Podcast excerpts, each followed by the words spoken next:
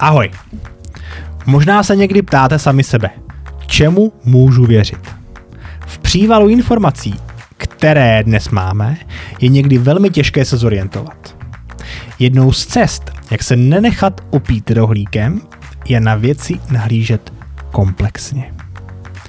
Tak to udělal i náš další host. Šimon je lékař, který vidí do kuchyně farmaceutických společností a zároveň je schopen se orientovat ve změti informací ohledně covidu. Já to nebudu asi prodlužovat, protože tento díl je poněkud delší. V podstatě by vám stačil na cestu autem mezi Prahou a Ostravou. I s malou kolonou u větrného Jeníkova. Já vám přeji příjemný poslech, doufám, že se budete dobře bavit a třeba se i něco zajímavého dozvíte. 3, 2, 1, Kuba, spouštěj to.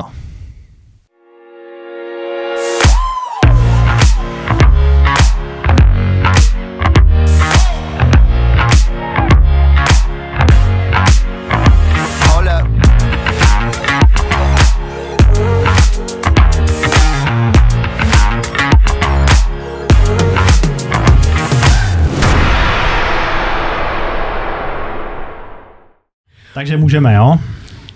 Tak. Dalším hostem Mindcastu je lékař, bývalý chirurg Šimon Reich. Ahoj Šimone. Ahoj. Ahoj. Počkej, ještě jednou, já jsem zapomněl ten, ten koníček. Znova. Jo, takže znova. A. Dalším hostem Mindcastu je lékař, bývalý chirurg s velmi zajímavým koníčkem Šimon Reich. Ahoj Šimone. Ahoj. Ahoj.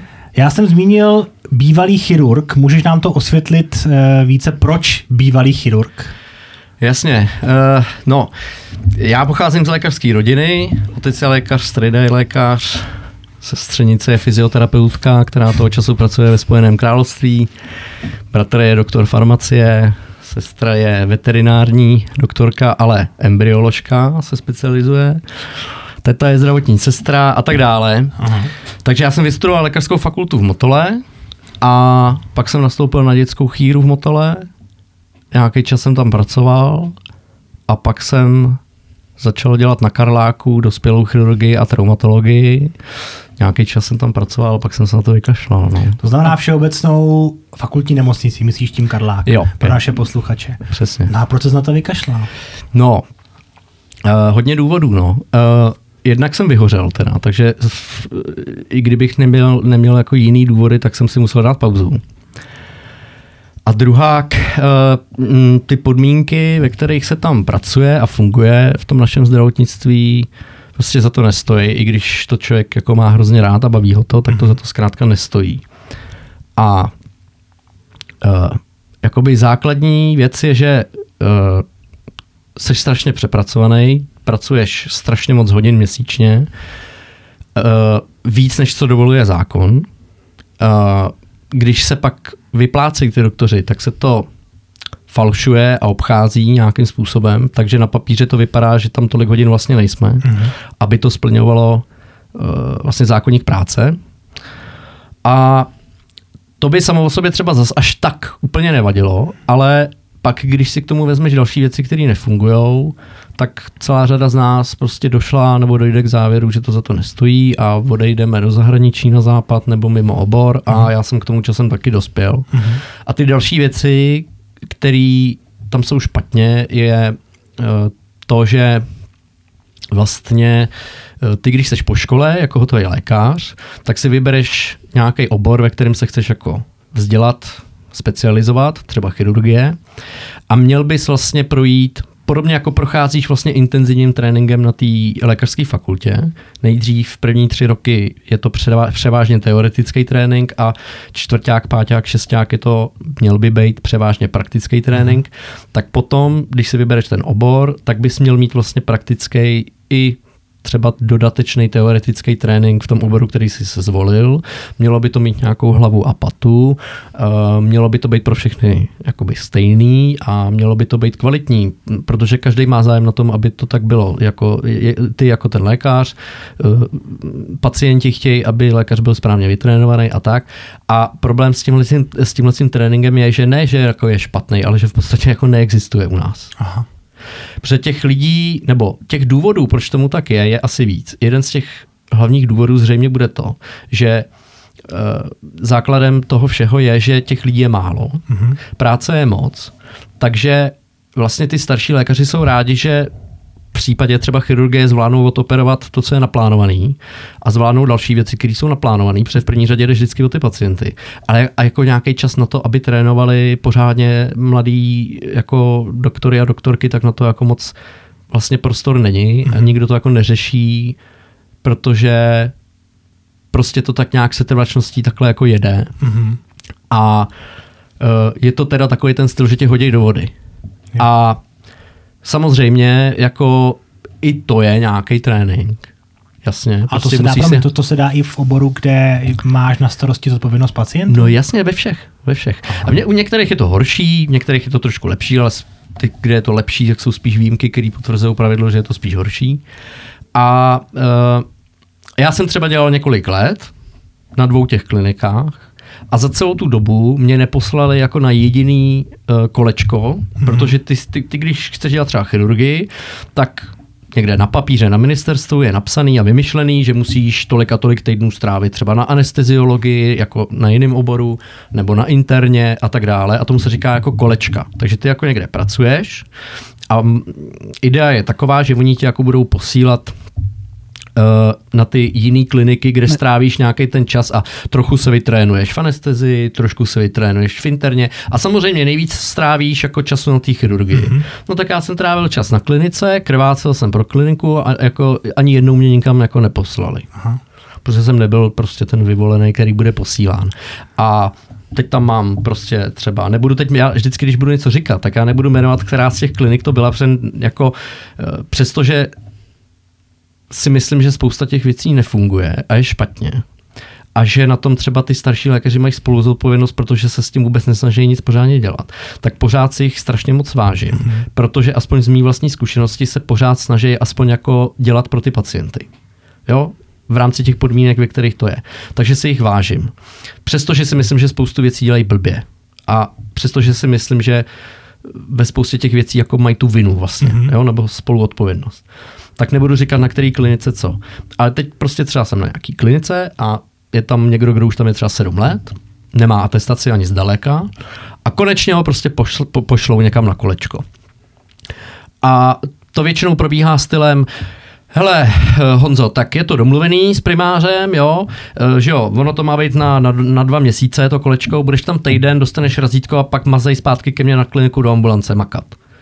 Já děkuji, pane profesore, konečně tě posílají na to, na to kolečko, protože ty potřebuješ ty kolečka si odkroutit, abys pak mohl jít na zkoušku a udělat tu atestaci. Mm-hmm. A teď jako, abych vysvětlil lajkům, tak dokud ty nemáš tu atestaci, tu zkoušku vlastně z té specializace, tak ty nesmíš a nemůžeš jakoby dělat sám za sebe. Takže tam pod kontrolou jinak. Přesně. Takže ty nemůžeš jako, že si otevřeš ambulanci a budeš dělat na sebe. Ne, k tomu potřebuješ tu atestaci. Jako. No a teď těch lidí je málo, takže i ty kliniky mají trochu vlastně zájem na tom, aby jako ti to trvalo dlouho, ta atestace. Proč? Protože světe div se, často, když někdo udělá atestaci, tak odejde. Hmm. Jo? A co oni tam pak budou dělat? Jako ještě víc nebudou stíhat. Hmm. Takže takový začarovaný kruh. A pak druhá věc je, že když máš štěstí a uděláš tu atestaci, nechají tě udělat tu atestaci, uh, tak uh, tvoje odpovědnost stoupne nesrovnatelně, úplně jako astronomicky ti stoupne odpovědnost. Myšleno můžeš jít do vězení, když něco pokazíš. Velmi snadno, ještě snadněji než před tou atestací, ne, že by to nešlo, k tomu mm-hmm. taky pak klidně něco řeknu. A, uh, ale tvůj plat se moc jako nezmění. Aha. Jsi nějaký pěti kilo, liter, dva navíc. Zatímco třeba v Americe, prostě tam strávíš v tom špitále měsíčně ještě jako mnohem víc třeba než tady ne 250 hodin měsíčně, ale 300 hodin měsíčně. A pro spoustu lidí je to jako jen číslo, jo. Ale zkus to, zkus jako dělat 300 hodin nějakou fakt náročnou a mega odpovědnou práci měsíčně. Každý měsíc, furt. Jako to není, není to úplně jednoduché. Hmm. Je, to, je to fakt jako hodně na palici, hodně těžký. A dobře, tak ve Spojených státech z nich sedrou kůži těch několik prvních pár let po škole, z těch mladých doktorů jsou tam furt v tom špitále, v podstatě nemá smysl ani chodit domů, oni žijou v tom špitále. Hmm. ale ten trénink má hlavu a patu, každému se dostane stejně kvalitního tréninku, jsou tam nějaký průběžné zkoušky, průběžné hodnocení těch tvých učitelů. Prostě je tam vyšší záruka toho, že ty se to opravdu jakoby pořádně naučíš. A jakmile uděláš tu atestaci, když to jako zvládneš přetrpět těch několik let, tak potom, jak ti stoupne ta odpovědnost, tak ti neskutečným způsobem jakoby stoupne plat. Takže ty máš takovou tu mentalitu, OK, prostě přetrpím 6 let jednoho možná nejtěžší studium, jaký existuje, přetrpím pět let totálního pekla, ale když to zvládnu, tak pak jako Budu dostanu tu odměnu. Jako. Hmm, hmm. A to tady prostě není. Hmm. Jo. Takže uh, já teď dělám v soukromém sektoru, dělám o 100% méně času a mám o 100% víc peněz na hodinu. Hmm. Žena tady- je spokojená, děti jsou spokojený, já jsem vyspinkaný, Jo. každý víkend mám volno a jsem s dětma, vidím je vyrůstat, jako proč bych měl dělat ve špitále. No a Jasně. to je, to je právě jako, to je problém, že jo. My jsme tady s jedno, jedním, na- v jednom z předchozích dílů měli Filipa Sobodu, který právě eh, zmiňoval stejné důvody. Momentálně pracuje v Německu a říkal, že má spoustu svých kamarádů a kolegů, kteří na tohleto kolečko si dokonce museli sami platit v jiných nemocnicích, to aby taky- mohli strávit. no, no, jo, že to no, nebylo automatický, ale že si ještě, že ten plat nestal za nic a ještě musel z toho Jo. platu, kdy vlastně bydlel někde jako na kolejích, někde ještě na horším Jo. místě a musel si to platit. Ale No, dějou se Takže tyhle vlastně ty s tím plně souhlasíš a pořád, pořád se to děje. No jasně, pořád i no jasně. v téhle situaci, která je velmi těžká, tak nemá a nemá nikdo jako nějakou snahu s tím něco Ne. udělat. Ne. Mimochodem tam je jako spousta dalších věcí, které jsou jako úplně špatně. Jo? To je prostě zase, nebudu říkat která klinika. Ale tady za Honzou choď prostě první tři měsíce, hlavně se nauč dělat od něj, jak se dělají papíry a pak tě hodíme do vody. To je ještě ta lepší verze, jako, že ti dají tři měsíce na to, jako se rozkoukat. To je jako hodně dobrý. To, to je docela výjimečný. No a teď koukáš, jak jako tady starší Honza, zkušený, píše eh, nějaký dokumenty eh, stran nějakých pacientů a ty říkáš, hele Honzo, proč tady u těch pacientů jako eh, tam dáváš ten kód na tu pojišťovnu, že eh, jako mm, tady ty, co jsou, já nevím, třeba potříselný kýle, jo, eh, si vymyslím teď, že byli jako, že byli den na JIPu, když je tam nedáváme. No to se tak dělá. A ty řekneš, no dobře, jasně, OK, ale jako, jako proč se to tak dělá? On se mě podíval a říkal, Šimone, prosím tě, kdyby jsme tam jako i, i s těmahle kódama, to, co nám dá ta pojišťovna, nepokryje tu operaci. A říkám, no dobře, ale co když na to jako někdo přijde? A on se začal smát. A říká, ty lidi to vědějí úplně všichni. A říkám, i, i, i, jak jako všichni? A říká, všichni. To ví šéf oddělení, to ví primář, to ví přednosta, sakra, teď to ví i ten audit, co sem chodí jednou ročně na chlebíčky. A říkám, ty my jsme opravdu úplný debilové, jako. Hmm. No, kdo nevyplňoval kódy? Reich, že jo? A ta pojišťovna to teda taky ví, nebo Já myslím, že možná i jo. Ono totiž tohle vzniklo tak, že vlastně po revoluci se vymyslelo, OK, tak musíme vymyslet, kolik vlastně ta péče, ta práce těch zdravotníků bude stát. Aha. Jak to ale udělat? Jako, potřebujeme nějaký systém. Tak někdo vymyslel, že se uh, jako se píše cokoliv, co se v té medicíně jakoby dělá, jako jednotlivý jako úkony nějaký, já nevím, zašiju ránu do délky 5 cm, nebo zašiju ránu, která zasahuje jenom do podkoží, nebo rána, která, kde už prostě musíš, já nevím, ošetřit cévy poraněný, nebo rána, která je delší než 5 cm, prostě cokoliv, nebo zasádruju, jo, nebo, nebo eh, základní vyšetření chirurgem, komplexní vyšetření chirurgem, bla, bla, bla, bla, bla, bla. Mm-hmm. prostě cokoliv, co se v té medicíně může, jakoby, co se jakoby dělá, tak to má svůj jakoby řádek a má to jakoby nějaký kód a uh, pak každý ten kód má nějaký počet bodů. Takže prostě uděláš sádru, nevím, pět bodů, třeba vymýšlím si, jo? a něco má víc bodů, něco má méně bodů. No a vlastně tohle to málo kdo ví. Ten systém u nás je vymyšlený tak, že každý rok by se měli u společného kulatého stolu sejít vlastně zástupci poskytovatele zdravotní péče, což jsou vlastně zástupci zjednodušeně řečeno těch zdravotníků, těch doktorů. A zástupci pojišťoven. A měli by se dohodnout... Tak jsme se to přesně ve škole učili. Ano. A měli by se dohodnout na tom, kolik letos bude to stát, ta práce. Kolik bude jeden bod? V podstatě. A kdyby se náhodou nedohodli, tak přijde minister zdravotnictví se svojí vyhláškou a řekne, bod bude tolik a tolik. Kontrolní otázka, kolikrát se zástupci pojišťoven dohodli se zástupci poskytovatele zdravotní péče. Já myslím, že možná, jestli jednou, tak to bude moc. Jo. Takže prostě u nás se vlastně cena práce těch lékařů určí tak, že prostě tamhle nějaký ministr přijde a řekne tak a bod bude tolik a tolik haléřů. No a teď prostě někdo po té revoluci byl pr- prozíravější z některých oborů a dali si tam hodně těch bodů, si tam vyhádali. A někdo si tam vyhádal málo bodů a do dneška se to moc jako nezměnilo. Jo. Uh, takže prostě tady děláme nějaké operace a snaží se tam nadspat co nejvíc kódů, aby vlastně to... Jo, a teď vlastně celý je to jako totálně vlastně nelogický, ale jako jede to prostě nějak dál.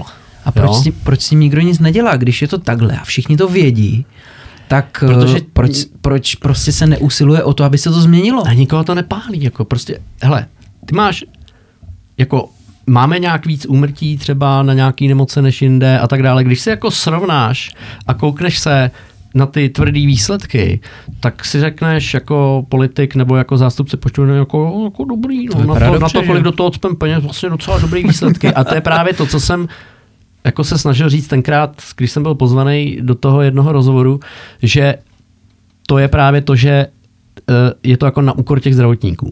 Že oni potějí krev, aby ty výsledky jako byly nějakým způsobem vlastně srovnatelný i na evropský nebo celosvětový úrovni. Mm-hmm.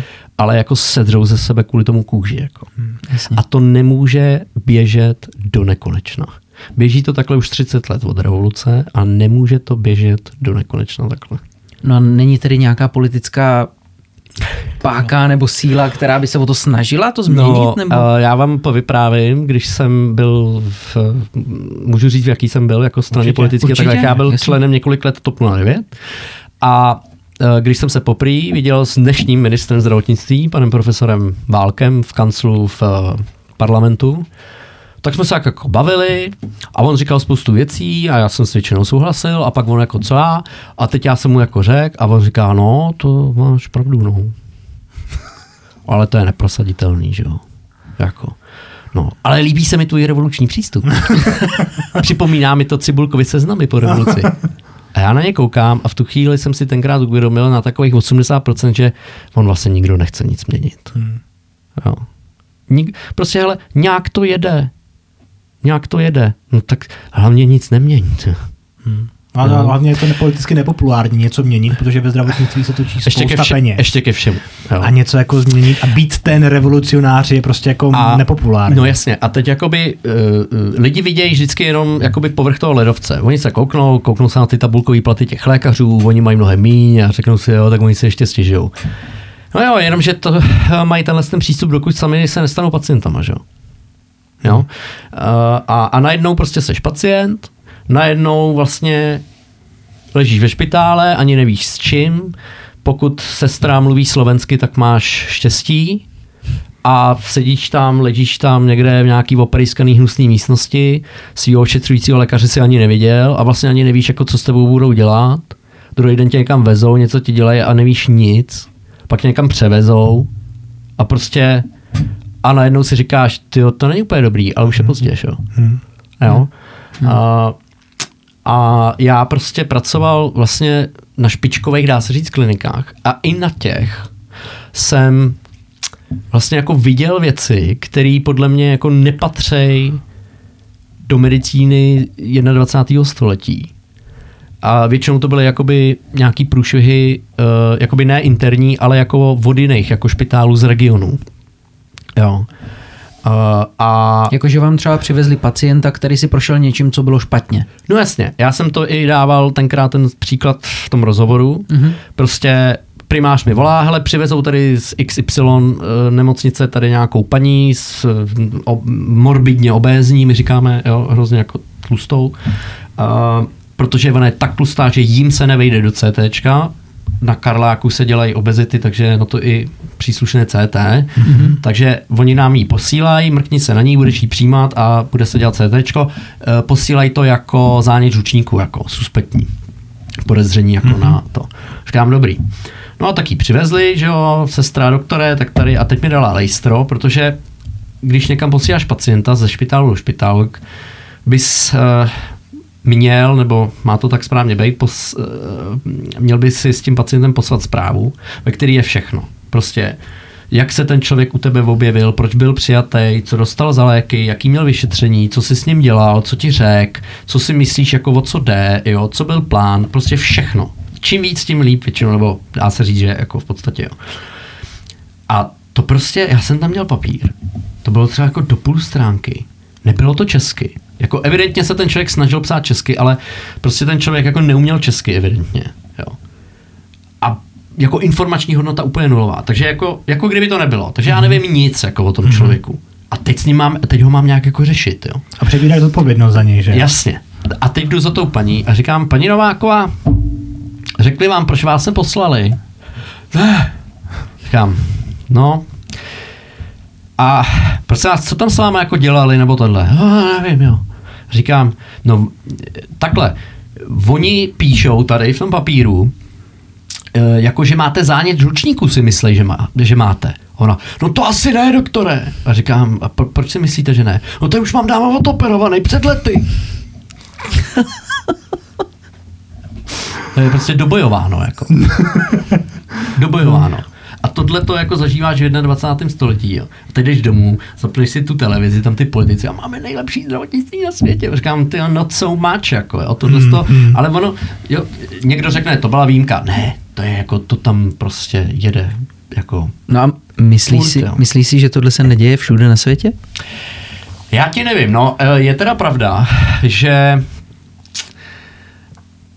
s tím zdravotnictvím mají problém jako všechny státy světa snad asi jako jediný stát, kde bychom mohli říct, že jako jo, ty to dělají dobře, je například Švédsko. Ale za, taky do toho jako spou strašně moc peněz hmm. a, a oni nejsou tak hmm. skorumpovaný jako my, tak m, těch peněz neodteče tolik do toho rejžového nákypu, jak já říkám. Ale jde to jako opravdu té kvalitní péče. A jako je to, je to otazník, jo. A asi jo, asi se to jako děje všude, ale mm, tam jde o tu míru, že jo. Jasně. Jako, jo. A to není jako, že tady já si myslím, že vím, jak to je a že já jsem tady zažil pár caseů a hned z toho dělám jako eh, máme špatný zdravotnictví. Ne, tak jako říkám, jsem, jsem z lékařské rodiny, my se bavíme o medicíně v podstatě pořád, každý pracuje někde jinde a už spoustu let můžu srovnávat s tím, co bylo kdysi eh, a od kolegů dalších mladých z celé republiky a prostě když slyšíš a vidíš a počítáš, tak jako ti z toho vychází, hmm. že to není úplně dobrý. Jako. Hmm. No. A to pak třeba vede k dalším věcem, jako je šedá ekonomika a jsme vlastně tam, kde jsme byli před revolucí. To znamená, pokud nemáš známosti, pokud nemažeš, tak nemáš dobrou péči. No ale tak to jako nemá být. Myšleno jako, že my se tváříme, že takhle to nechceme. Já neříkám, jako jestli to tak má být, nemá být, hmm. ale naše společnost se tváří jako, že tohle to ne. No ale takhle se to děje. Že? Hmm. Jo? A e, prostě e, v některých oborech je to víc, v některých je to míň. Jo? A e, třeba jako my často rádi o sobě jako říkáme, že ke všem stejně pacientům. To vůbec není pravda. Jako, to prostě, to jsou keci. Jo? Jako, pokud máš prostě v péči Karla Gota, tak se k němu prostě budeš chovat jinak. Jednak už tak nějak jako v rámci své autocenzury nějaký, jakoby, jo. A druhá, protože prostě jako, hele, přijde někdo, kdo je na tebou, ne, to jako, jo, prostě hmm, tohle hmm. to je kulich, to je jako a to, Jasně. jo, a prostě a tady není, není to, ne, tady bude přesně, vždycky. přesně tak, bude to tak vždycky a já nevidím důvod, proč to nelegalizovat. Já nevidím důvod, proč, uh, abych uvedl konkrétní příklad. Přijde za mnou nějaký pan Novák, businessman, bohatý, pořád někam lítá po celém světě, schůzky, tohle, jo, a má třísilnou kýlu, drobnou, no big deal, jako já mu řeknu, ale jo, to se prostě musí jako otoperovat dřív nebo později a um, musíte dodržovat ten režim, aby se to nezhoršovalo, bla, bla, bla, bla, bla, teď ho jako poučím a tohle, udělám tu diagnózu a on řekne, no ale já to chci, já to nechci za tři měsíce, co máte ten termín, já to chci otoperovat za týden. Já pak letím tam do Hongkongu, mám tam schůzky, tohle, já řeknu, no ale to, to nejde, že Prostě termín je za tři měsíce nějaký jiný kolega mu třeba řekne, no tak to by se dalo nějak zařídit, že jo. Jo. já nevidím důvod, proč, já, proč by ten systém nemohl být nastavený tak, abych já mu mohl legitimně říct ano, naše klinika tuto službu poskytuje. Když tady dáte na dřevo 50 tisíc korun, tak eh, pro vás najdeme termín do dvou týdnů a pokud ne, tak vám peníze vrátíme. Ty peníze se normálně zdanějí, všichni z těch peněz budou mít prospěch. A ve výsledku z toho budou mít prospěch i ty chudí pacienti, protože ty prachy půjdou, jak říkám, do daní. Daně by měly jít teda do zlepšování toho systému. Další peníze půjdou do té kliniky, hmm. jo, a to všechno povede k tomu, že prostě bude větší kapacita a tak dále a ve výsledku vlastně i ten chudej, který jako si to nemůže dovolit, bude mít lepší péči. To samý, když jo, třeba řekne... V, promiň, v ideálním světě, Ideál, ale, samozřejmě. ale ve chvíli, kdy řekneš 50 tisíc, tady je to legálně a přijde za, bude tam třeba lékař, který řekne, ale za 30 já vás tam dostanu.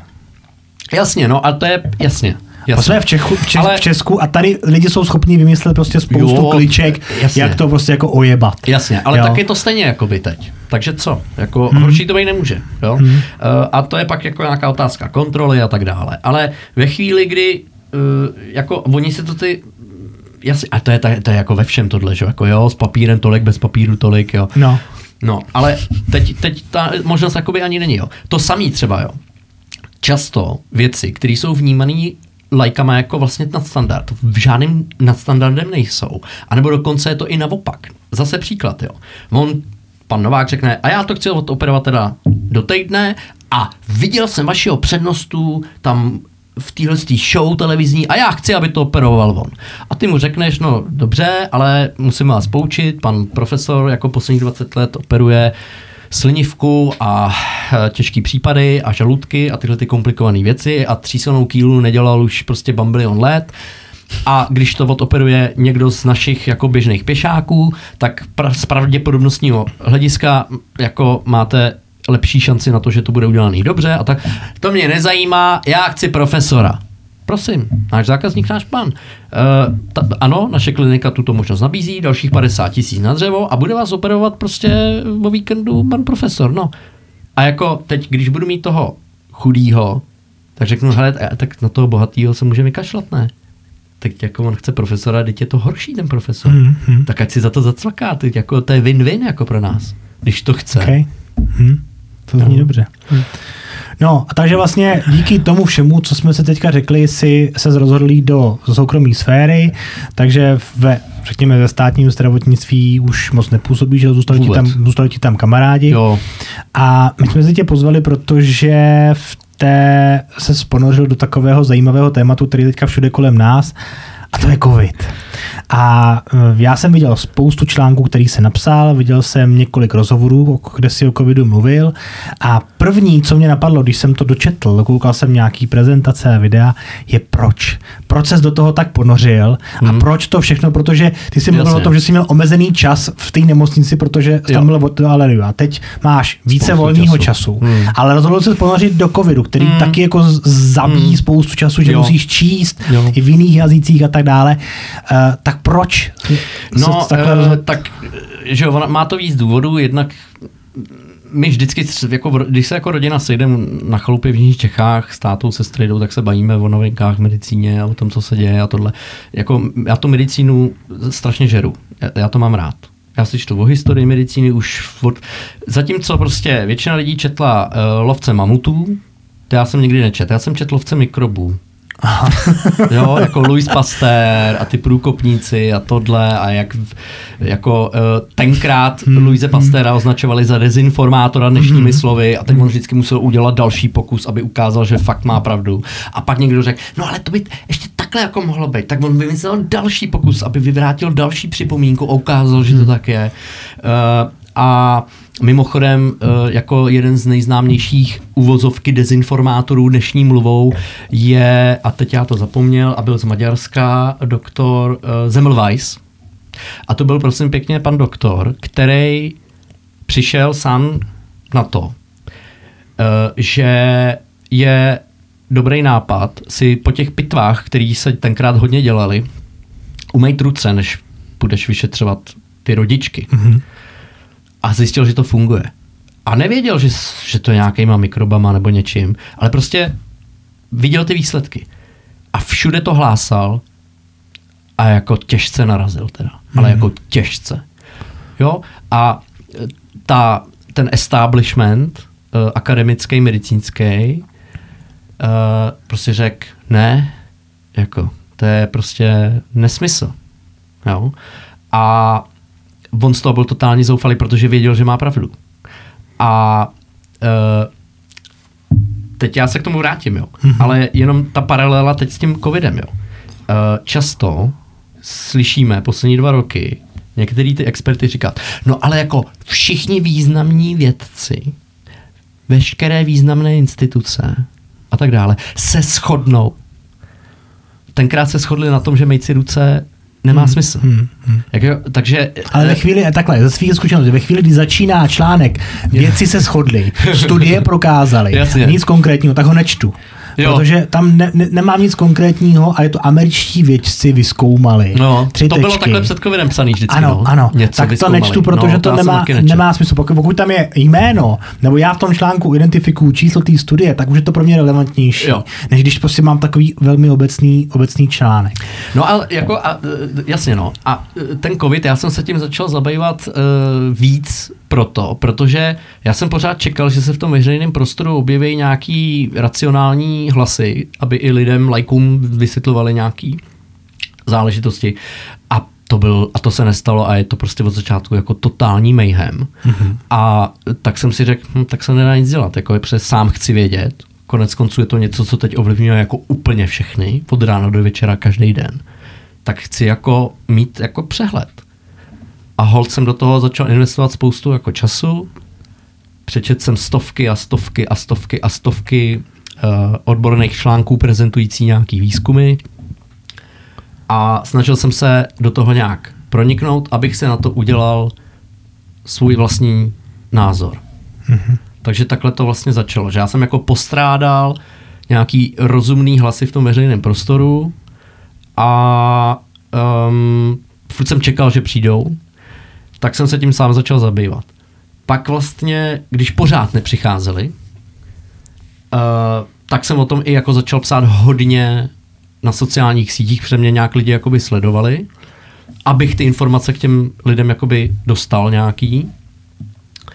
A teď v poslední době jsem přestal jednak proto, protože už mi to lezlo na palici, druhak proto, protože mi Facebook zablokoval nějaký uh, posty s tím, že to je dezinformace, tak to mě natolik naštvalo, že prostě hmm. jsem si dal pauzu.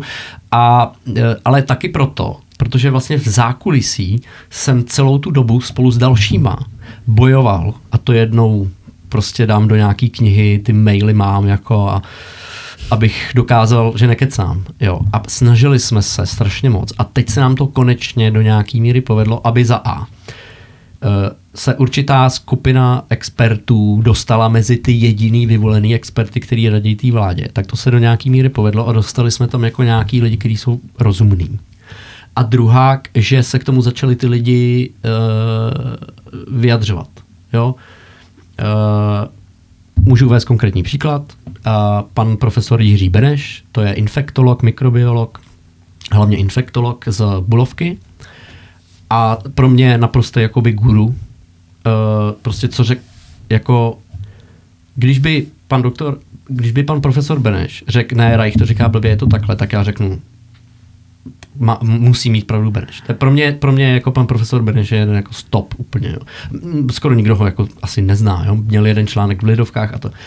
A oni tady tyhle ty lidi, kteří jako zvlášť v té medicíně ty věci opravdu jako rozumějí, tak bejvají zároveň lidi, kteří jako nemají moc rádi jako vystupovat ve veřejném Introverti jako. No, prostě nevím, nějak to tak jakoby je, jo. A často se do toho veřejného prostoru dostanou spíš ty, kteří jako kecají blbosti, jo. A e, on napsal tezi o covidu pár měsíců zpátky a prostě a tohle je, tohle je jedno konkrétní jméno, kterého jsme zabojovali, aby trošku se do té věci jako vložil. Mm-hmm. Jo, já se s ním psal nějaký maily a to a už je to asi marný teďkon, ale, ale prostě no, takže takhle to jako vzniklo. Že, že um, jsem se tomu věnoval. motivace byla eh, touha po tvém vlastním, vlastním po, po, po správných informacích. Tak, tak. No prostě po, po, nějakých, po nějakých kvalitních, řekněme, informacích. A Jo. k čemu jsi došel? Protože ty jsi zmiňoval, jak jsme se bavili před natáčením, že si nejdříve z covidu měl jako obrovský strach. Jo, A po jo. těchto těch rešeržích a čtení článků ten názor se trošku změnil. Tak No, úplně o 180 stupňů. No, protože, uh, hele, uh, první zpráva západních uh, spravodajských serverů o tom, že se něco děje ve Wuhanu ve smyslu infekce, plíce, zasažený neznámý původce, tak byla 31.12.2019 od agentury Reuters. Mm-hmm. A já asi první týden v lednu už jsem tohle vlastně zaznamenal. A to bylo nejdřív, jako myslím, prvních 27 případů. Uh, a teď jsem čet Wuhan, plíce, neznámý původce, připomíná to SARS. A teď já jsem si vybavil všechno, co nás učili na té škole, tady konkrétně hlavně teda na bulovce, jako na infekci. A řekl jsem si, ty jo, tak to může být smrťák. To, protože, a mimochodem, to taky málo kdo ví, my jsme to jako předpovídali tohle. Mm-hmm. Proto taky je každý OK s no, tím. promiň, to, kdo to znamená my, jsme to předpovídali. Jako lékaři, jako, jako vědci. Mm-hmm. Vlastně 2002 bouchnul první SARS. Eh, Málo kdo ví, že on se objevil, dva, napře, byl to konec roku 2002, myslím, objevil se. A teprve 2003 utek z laborky z čínský a myslím, že teď nevím, jestli to byl Tajvan, nevím už. A to způsobilo tu tehdejší pandemii. Jo? To málo kdo ví, že jakoby ono to nějak bylo, vlastně to vyšumělo, ale pak jim to uteklo z laborky a udělalo to pandemii, ale zase to poměrně rychle zmizelo. No a to má prostě vysokou smrtnost, je to fakt jako nebezpečná věc. Takže já jsem si hned spojil, tyjo, SARS, tohle, a prostě byl jsem hysterický, já jsem rodi, rodina, chalupa, prostě žena, nepůjdeš ani pro rohlíky, prostě jsi magor jako. A všichni byli, "Pff, jaký virus, jako, jako, co jde, jo. A teď já jsem seděl a čekal jsem a četl jsem ty eh, vědecké publikace nejdřív z té Číny. A to jako vypadalo, OK, asi to nebude konec světa, ale jako ty teda hitparáda to taky není. Takže jsem byl ještě furt jako hodně nervózní. Ale říkal jsem si zároveň, ale já Číňanům nevěřím ani nos mezi očima. Protože tam politbyro prostě kontroluje všechno. Takže, hmm. takže pokud je to mega smrťák a politbyro řeklo, budete to tajit a zlehčovat, Jasně. tak to tak být může. A naopak, třeba je to úplná pohoda a trošičku to přibarvíme, aby jsme je vyděsili. Prostě jsem jim nevěřil. Tak jsem si řekl, musím počkat pár měsíců, než začnou vycházet ty západní práce. A ty pak, když začaly vycházet, tak já jsem se vlastně úplně uklidnil. Jo, a to byl třeba, nevím, duben, květen, tak nějak jsem začal zjišťovat, že To bylo, když to tady- není konec světa, je to v cajku. Jako To bylo tohle. vlastně, když tady se všechno zavíralo, že? A, a vlastně, a teď jsem jako, jako obrazně řečeno jako se zvedl toho počítače, spokojený, že všechno je dobrý, ale pozoruju, že se všichni totálně zbláznili. Jakoby. A to trvá do teďka v podstatě. Mm-hmm. Jo? Uh, tak to je jako asi to hlavní jakoby poselství, že prostě tohle není jako No na to, základě čeho čeho se- jsi zjistil, že to není tak strašný? No na základě uh, čísel, dat, výzkumu, eh, tvrdých prostě vědeckých důkazů, uh, tvrdších, měkčích, různých, říkám, stovky a stovky odborných prací jsem pročet a uh, uh, vlastně, a to bychom mohli ukázat, já mám v prezentaci takový graf. A tady je třeba, pokud se budeme bavit o tom, jako kolik lidí nějaká nemoc, v tomhle případě infekční, jako zabije opravdu, tak si musíme vyjasnit dva pojmy. Uh, je to strašně, jako, vypadá to banální, ale je to jako esenciální vlastně. Mm-hmm. Tohle tady o tom? No, no, no, no, no. A teďko ne. Ještě se jako nekoukejte na ten graf a jenom vysvětlím ty dva pojmy. Máte takzvaný, jsou v angličtině, v češtině to nemá úplně ekvivalent, jo? tak zůstaneme u angličtiny. Case fatality rate a infection fatality rate. Mm-hmm. Case fatality rate je nemocný, o kterých vím a kolik z nich zemře. Infection fatality rate jsou všichni, kteří se nakazili. Takže i ty, o kterých nevím, že se nakazili a kolik z nich zemře. Čili logicky u každého infekčního onemocnění je case fatality rate vyšší procento než infection fatality rate. Protože u většiny těch nemocí je nějaká část nakažených, o kterých ty nevíš a unikají ti v té statistice. Mhm. A tady na tomhle grafu se koukáme na ten case fatality rate. To znamená, to jsou ty, o kterých víme, že se nakazili, nebo si myslíme, že se nakazili, Mhm. a kolik z nich jakoby zemřelo. A když se koukneš tamhle, to je uh, august 2020, že jo? Mhm. Je tam taková ta modrá linka, tak ta fialová, ten fialový graf je Itálie. A pamatujete, jak severní Itálie, jak No, byly ty záběry. Tak se koukni, tamhle je uh, case fatality rate 10%. 10%. Kdyby case fatality rate reálnej byl 10%, tak je to docela smrťák. Jako. Mhm. Jo? A toho jsme se báli. A když se koukneš na tu, jak ukazuje ta druhá šipka, to je taková růžový graf, to je vlastně celý svět, tehda, Mhm. tehda, Jasně. tak to je 3,3%. 3,3. Což taky docela jako, jako to je mnohem lepší zpráva, mnohem lepší zpráva, ale jako 3,3%. Jo. Mhm. A, a, a pak vidíte, že jak se, jak, jak se pohybujeme v čase do budoucna, tak to spadlo podstatě všude. Já tady mám Jižní Ameriku, Itálii, Afriku, celý svět, Evropskou unii, Spojený státy, jak to spadlo dolů a drží se to dole.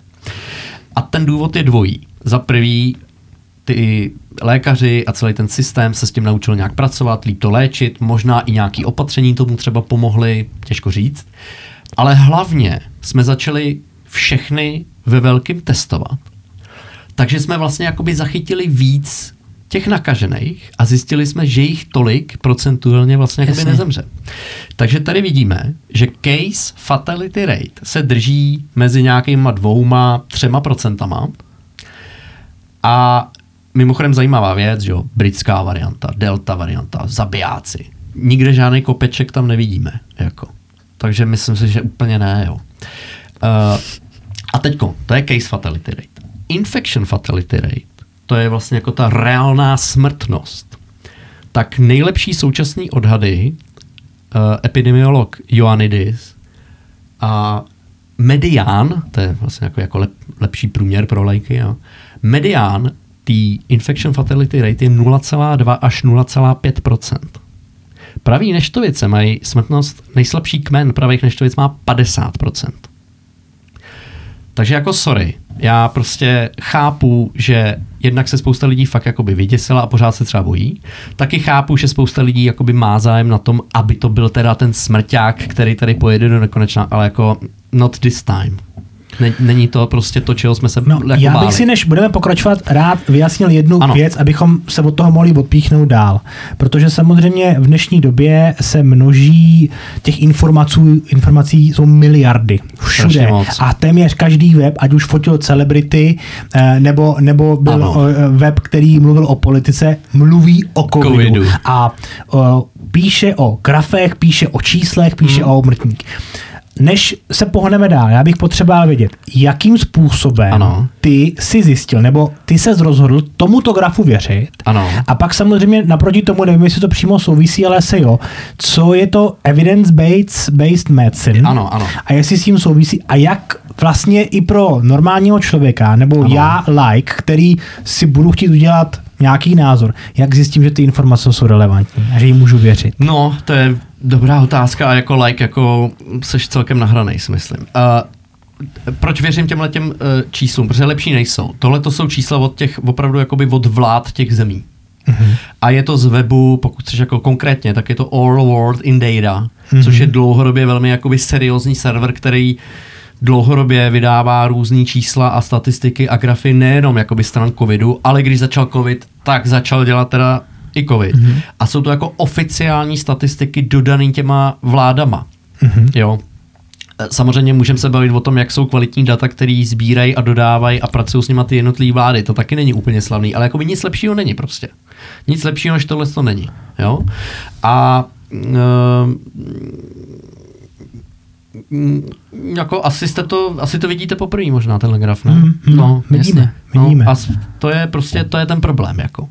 To, bo to je ten jeden, z- jeden těch vlastně ty máš tu výhodu, že ty vlastně jsi lékař a momentálně teďka pracuješ pro společnost, která dělá nějaké jako klinické studie, to znamená, vidíš do kuchyně, jak se dělají, jak se designují klinické studie, jak se k tím eh, přistupuje, to znamená, že jsi schopen nějak zhodnotit, jestli dan, daná, pokud čteš nějakou studii, Jasně. jestli je nadizajnovaná správně Jasně. a jakou má hodnotu. Tak, tak. No to je strašně zajímavý téma tohle, protože to je vlastně vůbec jakoby otázka, jak my v medicíně víme, že něco víme. Já vždycky začínám uh, tím, že řeknu, hele, podívej se, 2000 let přibližně jsme jako lékaři, ale že jo, nejdřív to prostě byli šamani, bylinkáři, felčeři, ranhojiči, šamani a tak dále, tak jsme jako léčili přes 2000 let, jsme celou řadu ne, jakoby nemocí léčili pouštěním žilou, což je prostě zjednodušeně řečeno, píchnu nebo říznu někomu do žíly, nechám ho trochu vykrvácet, pak to zastavím a to je ta léčba. A dneska to zní úplně absurdně, ale my jsme si jako přes 2000 let mysleli, že to jako řeší celou řadu nemocí. Až po, a 2000 let nám trvalo, než jsme zjistili, že je to jako blbost úplná. A proč tomu ty lidi věřili? Vždyť jako to je- oni, oni museli mít nějaký důkaz, Přesně. Kdy zjistili, hele, Tak. tady on krvácel, tak mu to pomohlo. Přesně. A to je, to je přesně ono. Uh, my jsme pozorovali, že to funguje přece. A to je vlastně důvod tohle, proč jsme museli do medicíny vložit vědeckou metodu do nějaký míry. Protože my jako lidi, i jako študovaní lékaři, podléháme celý řadě zkreslení. A ty pacienti taky. Jo? A e, ještě jakoby jedna důležitá věc je, že v medicíně funguje něco, čemu se říká placebo efekt. Do dneška úplně vlastně nevíme, jakoby jak to funguje, ale jako víme, že to funguje na, tu, na tuty. A to je prostě to, že uh, já nevím, tebe bude bolet hlava a já ti pustím trochu žilou. A ty to cítíš, to je zásah jako do těla významný. Takže to je jako silný zážitek. A už ten zážitek sám o sobě ti může trochu od, vlastně od bolesti té hlavy pomoct. Ale já jsem udělal něco, co nemá žádný léčebný efekt a přesto ti to trochu pomohlo. A to je placebo efekt. Mm-hmm. Takže když my chceme zjistit, jestli nějaká léčba, nějaký přístup, nějaký postup, nebo nějaká pilulka, nebo nějaká vakcína má nějaký efekt, tak to musíme srovnat při nejmenším s tím placebo efektem, protože by to mělo, mělo by to mít větší efekt než placebo. Jasně. Aby to mělo smysl. Protože pokud bych vymyslel vakcínu, která prostě funguje stejně jako placebo, tak můžu píchat placebo, že? Jasně. který je levný, protože je to jenom voda třeba, například. A proto se vlastně do těch studií za, zakomponovává i placebo, placebo Přesně. část. A, a vlastně takže, takže jako zjednodušeně řečeno se řeklo, hele, tak ono je to složitější a nemůžeme se spolehnout čistě na to pozorování naše, budeme to muset vzít nějak vědečtějc. A v dnešní době tady tomuhle tomu říkáme evidence-based medicine, jak ty si správně řekl, neboli medicína založená na důkazech. A uh, vždycky jako medikum se ukazuje taková pyramida, kde uh, ta pyramida, čím jdeš jakoby vejš v té pyramidě, tak uh, tím se jakoby dostáváš k metodám, který jsou schopný, říkám schopný, to není jako zaručený, musí to být správně provedený, jako, jo, mm-hmm. jsou, jsou schopný přinést jako nějaký výsledek, na který ty máš vyšší jistotu, jako že se o něj můžeš opřít a čím seš níž, tím více to jako takový na vodě. Mm-hmm. A úplně vlastně dole v té pyramidě je právě tohle. Jako naše lékařská zkušenost, Nějaký názor. Na, nějaký náš názor, Jasně. ně- nějaký naše pozorování. A to má jakoby nejmenší z, z vědeckého hlediska jakoby výpovědní hodnotu, ale zároveň je to jakoby základ pro všechno. Bez toho by to jako nemohlo fungovat. Protože díky tomu vůbec třeba někoho napadne, hele, tohle to asi funguje. A díky tomu se to začne zkoumat a začneš to podrobovat těm dalším metodám. Mimochodem, my tady dva roky posloucháme nějaký matematiky na ministerstvu zdravotnictví, který vymýšlí modely. Tak modely, to je tady dole v té pyramidě. To je názor. Ty si můžeš připravit sebelepší model, který nikdy není dokonalý. A i kdyby byl dokonalý ten model, tak ty nemáš dokonalý ty vstupy do toho. Mhm. Jo? Jasně. Uh, dobrý, ale jako to neznamená, že jsou jako modely k ničemu, ale prostě hele, jako model je jenom model. Jako pokud jde o klinickou medicínu, tak model jako, hele, jako model pěkný, jo, dobrý pro orientaci, pro zajímavost, ok, jako to nikdo jako nebere vážně, jako v medicíně, klinický. E, něco jiného jsou jiný, jiný jako technický obory a takhle. Mm-hmm. No a jak jdeš vejš v té pyramidě, tak je tam třeba, že uh, někdo popíše nějaký případ. Tady tenhle ten pacient vypadal takhle, takhle se k nám dostal, udělali jsme s ním tohle a měli jsme s tím takovouhle zkušenost. Pak jdeš vejš v té pyramidě a už je to třeba série těch případů. Jo? A takhle se třeba přišlo na HIV. Se nějaký praktik si takhle sednul a Říkal si, já jsem teď poslední dobou měl nějak, dělám to tisíc let už, jako dlouho to dělám, jo, dělám 20 let praktika, hrozně dlouho, takže už mám na to oko a teď poslední dobou tady mám jako mladý kluky, který prostě mají takový nemoci, které jinak jsou docela vlastně vzácný. Jo, tenhle měl pneumonii, prostě způsob, eh, zápal plic způsobenou touhletou neobvyklou breberkou a tenhle taky. A teď si prostě sednul večer doma a hrabal se v těch svých záznamech a zjistil, no jo, kolik jsem jich vlastně měl. Tolik. A teď co mají společného? No jsou to všechno chlapy. A všichni jsou mladí. Jo, počkat. A oni jsou to, většina z nich jsou homosexuálové. Ale jako, znamená to něco? Neznamená? Třeba je to náhoda? Nevím. Ale to byl takový první impuls. Tenhle ten týpek nějaký, to je jako reálný člověk, který si tohodle všimnul a od toho se to odrazilo. Takže někdo si v terénu něčeho, něčeho všimne, má nějaký názor na něco přijde a začne se tomu, jako ostatní se tomu začnou víc věnovat a díky tomu se na ty věci přijde. No a čím jdeš vejš v té pyramidě, tak se dostáváš vlastně k takovým uh, vědeckým jakoby způsobům zkoumání, který jsou, čím seš vejš v té pyramidě jako časově náročnější, organizačně náročnější, hmm. finančně náročnější, personálně náročnější, statisticky náročnější, ale když se provedou správně, tak ti můžou přinést eh, výsledek, který je takový, jako že se o to jako můžeš víc opřít, než hmm. když je to něco, co je níž. Jo. A uh, tam pak už když jdeš jakoby úplně do špičky té pyramidy, tak už se tam jako přidávají jenom takové vychytávky, které ještě jakoby víc eliminují možný zkreslení. Mm-hmm. Jo. A úplně na špičce té pyramidy je, že někdo si sedne, koukne se, tady je, nevím, téma, prostě nějaký téma, vyhledá všechny studie, které se na to kdy udělali, připraví nějaký minimální kritéria, nějaký minimální kvality, takže nějaký, který vypadají, že nebyly udělaný dobře, odpinkne pryč. A teď mu tam prostě zůstane, nevím, 100 nějakých studií, který považuje za kvalitní a matematickou metodou udělá nějakou matici vlastně a jakoby, jako kdyby to skomponuje do jedné jakoby velké studie, a to vyflusne nějaký výsledek a ten je jako ještě jakoby takovej, že se o něj můžeme víc opřít. Konkrétní příklad, který se jakoby dává medikům, když se to učej, je příběh uh, kortikoidů u rodiček, u těhotných, u kterých hrozí předčasný porod nezralý miminko. Hrozí, že se narodí nezralý miminko. Tak kdysi dávno byly, myslím, dvě studie, které jako říkali, když těmhle s těm pacientkám budeš podávat glukokortikoidy, tak to dítě pak má větší šance na přežití z nějakého důvodu. A, bylo asi, a pak bylo pět studií, které tvrdili opak, že to mm-hmm. je k ničemu. Mm-hmm. A teď lékaři byli rozdělení. Jedna část lékařů si myslela, to se musí podávat a mávali těma dvouma studiema. Mm-hmm. A ta druhá část těch lékařů říkali, to je blbost a mávali těma pěti, který říkali, že to je blbost. A každý má pravdu, že A teprve po mnoha letech někoho napadlo, ale ono se to vlastně dá matematicky všechny ty studie schroustat do jedné. A udělal to. A vyfluslo to, že to funguje. A od té doby se to podává, víceméně, a zachraňuje se díky tomu jako stovky a tisíce životů. Jo?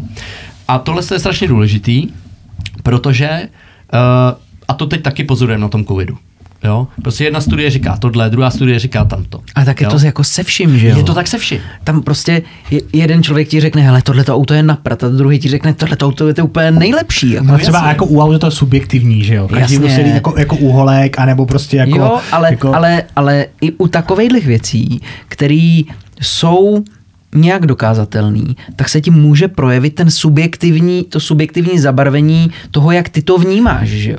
Mimochodem, uh to je jako, je to ještě složitější. prostě, uh, protože uh, teď třeba někdo ti řekne, tady ta studie, prostě to je ta studie té vyšší kvality a to, ale třeba byla blbě udělaná, že jo. Hmm. Takže je úplně k ničemu. Je jedno, jako, že je to ten vyšší typ. Jako, jo. Uh, pak je další věc.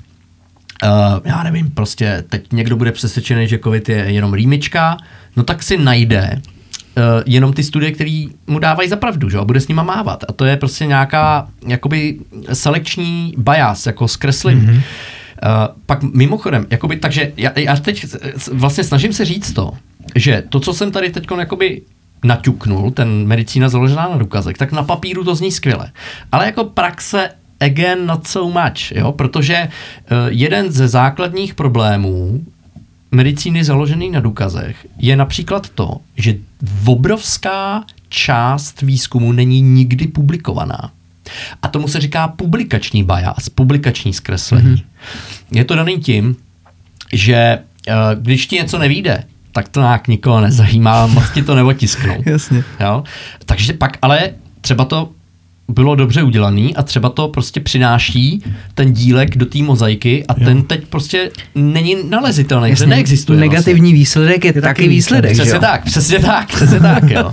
A, ta, a to je třeba jeden z problémů. No. Druhý z problémů je to, že uh, vlastně ty výzkumy jsou strašně drahý, ty kvalitní, tak samozřejmě, když nějaká farma firma má nějaký produkt, tak s, ní, s ním jde dělat tady ty velké kvalitní studie a zasponzoruje to. No a my víme, že tady funguje obecně za to zkreslení, že když soukromí subjekty uh, financují ty studie, tak prostě jim výjdou pozitivně v mnohem větším procentu případů, než když je to sponzorovaný nezávisle. Což je teda, a teď si pojďme říct, jako čím je to daný. Tak jasně, jednak je to daný tím, že uh, ve státní sféře se penězma prostě plejtvá. Takže se dělá spousta třeba výzkumů, který je úplně blbě vymyšlený a takhle. Mm-hmm. Když máš svý prachy a jdeš to nadspat do výzkumu, tak si dáš záležet na tom, aby ho vymyslel jako opravdu kvalitně. Mm-hmm. Aby to mělo šanci vlastně a nebudeš se pouštět do něčeho, co kde nemáš takovou jistotu, yep. že ti to přinese ten pozitivní výsledek. Ale pak samozřejmě se jako dělají i různý finty, že jo, třeba. jako, jo? A mm, často ty finty projdou jako ne proti tomu, ne kvůli tomu, že jsou jako těžko odhalitelný, ale protože vlastně těch informací a textu a všeho je tolik, že vlastně jako to prostě projde bez povšimnutí často. A e, tím se dostáváme vlastně k tomu, že like si řekne, no to není možný, že by to jako všem uniklo. No to se jako děje běžně. Prostě. To je, a v, my strašně máme jako hlavu nahoru a myslíme si, ale ono jde to pomalejc. Jako, některé věci jdou rychle, ale některé věci nejdou tak rychle, jak si představujeme. Hmm. Není to tak dávno. To je, mimochodem, tam mám taky jako obrázek. Uh, jak máš v té složce? Ale my jsme tady měli, uh, minule jsme tady měli taky Marka Kindermana, který se zabývá uh, vývojem nano, nanočástic. A ten zrovna zmiňoval úplně tu samou věc, kterou teďka ty si... Obrázek 11. Obrázek 11, kterou ty si tady před chvíličkou řekl. Ano. A on vlastně říkal to, že ještě jako další takováhle věc, která celý ten, uh, celý ten výzkum nebo ty odborné studie posouvá někam úplně jinam, než mají, než mají být. A to je to, že vlastně se hrozně tlačí na to, aby se publikovalo. No jasně. Jo, a čím jo, víc jo, publikuješ, jo, tak tím víc jako taky dostáváš grantů a peněz, že? Ano, ano, ano. Takže najednou to je pravda, vlastně no. na úkor té kvality, kvality se toho, se toho produkuje víc a ano. víc a kvantita jede jako. Ano. On říkal, že teďka jako toho, co uh, to, když má nějaký nový výzkum, takže... A chce ho ověřit. A chce ho ověřit, takže to, to nejde. Je špatný, že to, že to kolikrát nejde. Že, že, že, že to nejsou reprodukované nový ty nedokáže to ano, to je, to je velký problém, no. No, no, no, no, no, no, no. To je, je ano, to, ale to, to je, je i v té jako... medicíně, to je všude stejný. No, hmm. to je velký problém. To je prostě hmm. problém vůbec otázka, jakoby jak hodnotit vědce.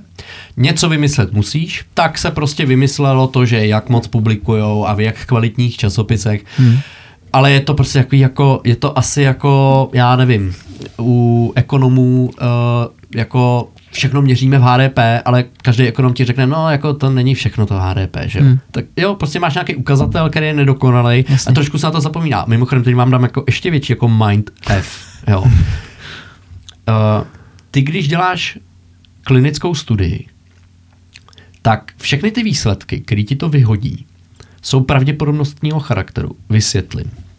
Jde vlastně o to, že tobě to dalo nějaký výsledek. A teď myšleno jako, i když tu studii udělal jako suprově správně, poctivě a správně, tak ten výsledek pořád může být vlastně jakoby náhoda jenom. A, a teďkon, jo. Po- Počkejte, jo. A teďkon. To je problém. Co s tím budeme dělat? No tak my jsme se jako dohodli, jako lékaři, vědci a tak celosvětové, to je jako konsenzus. Že jako když ta šance, a já to teď, pak, pak mě budou nějaký fakt čekeři chytat za slovo, já to teď zjednodušuju fakt pro lajka. Jako, jo. Profesionálně bych se to trošku řeklo jinak, ale zjednodušuju to a v- není to úplně jakoby mimo. Jo. Když teda ta šance, že to je výsledek náhody, je pod 5%, tak to bereme jako, že to vyšlo. No jasně. Jo? Takže když, a teď, jo, ono jim to nevyšlo, ono to je víc než 5%, hm, tak to je smůla, no, tak to není pravda. Ale to, to tak samozřejmě není, protože uh, ty potom můžeš dát dohromady 20 výzkumů, který všechny měli výsledky, které jakoby vlastně z tohoto hlediska nevyšly. Schroustáš to dohromady a vyflusne ti to, že měli pravdu třeba. Jo? A naopak něco, co je jako, co vypadá solidně, tak jako pořád to může být výsledek náhody. A teď někdo se zeptá, tak proč se to neudělá pořádně a neudělá se to, aby prostě si tam měl 100% třeba skoro 100%. Jasně. No, tak já teď zase zjednodušeně vysvětlím. Ty budeš něco zkoumat a studie, nevím, budeš tam mít 400 pacientů v té studii, ti bude stát prostě několik milionů dolarů, ale když by si chtěl výsledek, který bude mít třeba pod procento, pod půl procenta, tak jich budeš potřebovat ne 400, ale třeba 400 tisíc najednou. Nebo 4 miliony. Jo, že vlastně čím to chceš Jasně. přesnějc, Mm. tak jako Že to je exponenciála. No nevím, jestli je to exponenciála přímo, jo, to je taky už takový jako provařený Jasně, pojem za jasně. tyhle ty dva roky, ale jako prostě to není proveditelný. Jasně. Takže ty musíš najít nějakou jako rovnováhu a přijmout hold to, že hm, ale jako možná je to Nějaká- špatně. jasně. je to něco jako v kvantové mechanice, že jako čím přesně chceš něco vědět, tím víc to ovlivníš a je to jinak, než když bys to neměřil, jako jo, tak to je trošku podobný. No a tady na tom obrázku, tady je vlastně vidět úplně vlevo, jak je tam ta myš, tak to je, že ty uh, vymyslíš, že by něco mohl být lék třeba. Tak nejdřív se to studuje laboratorně a třeba na nějakých jako pokusných zvířatech a většinou testuješ jenom to, jako jestli to není nějak šíleně jedovatý třeba. A potom ta fáze jedna, to už máš několik třeba pár nebo i pár desítek prvních jakoby lidí, kterým to podáš. A tam se taky většinou testuje, jako jestli to není toxický převážně. Jo. Vlastně teprve v těch pozdějších fázích se testuje, jestli je to účinný. Mm-hmm. Uh, jestli to dělá to, co ty chceš, aby to dělalo. Tak-. Ale ta fáze jedna, tak to je jenom taková zajímavost. Uh, není to tak dávno, uh, co se takhle testoval nějaký lék a dalo se to asi, dalo se to asi pěti lidem a teď já nevím, jestli jako tři z nich, čtyři z nich nebo všichni prostě jako zemřeli, jako jo. Bylo to, způsobilo to něco strašně nečekaného, toxický, zabilo je to. A není to tak dávno, já teď nechci kecat, jestli to byly 80, 70, nevím, ale jako není to tak dávno, mm-hmm. když se tohle stalo a my jsme si jako řekli, hele tyjo, možná, že když děláme tu první fázi, tak bychom to těm prvním lidem měli podat postupně.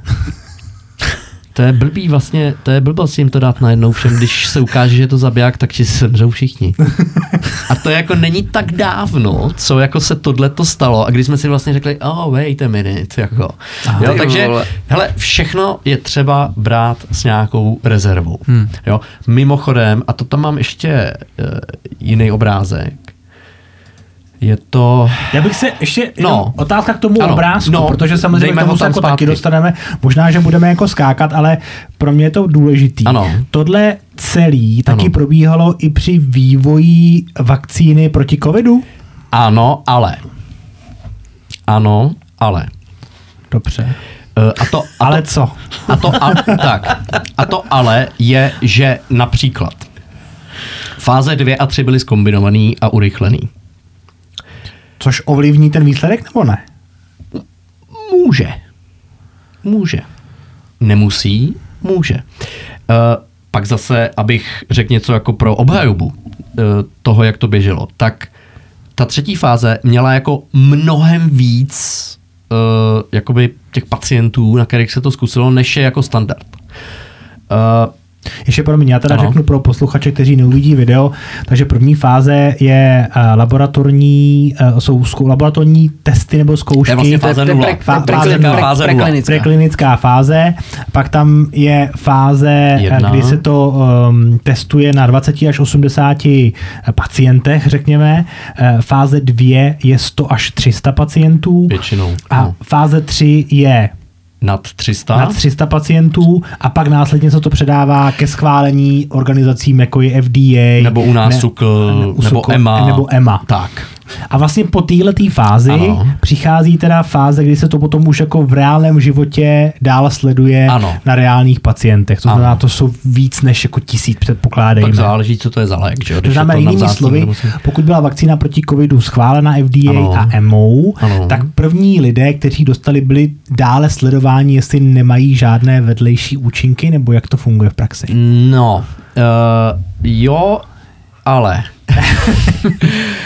Um, protože, že jo, tak ono je to jako logický, jo, prostě objevila se nějaká pandemie, uh, je to problém a teď jako bylo, tyjo, tak potřebujeme jako rychle tu vakcínu. Mm-hmm. Normálně tohle to trvá pff, třeba 10 let, jo, všechny ty fáze minimálně. Mm-hmm. Uh, než to jde na trh, myšleno.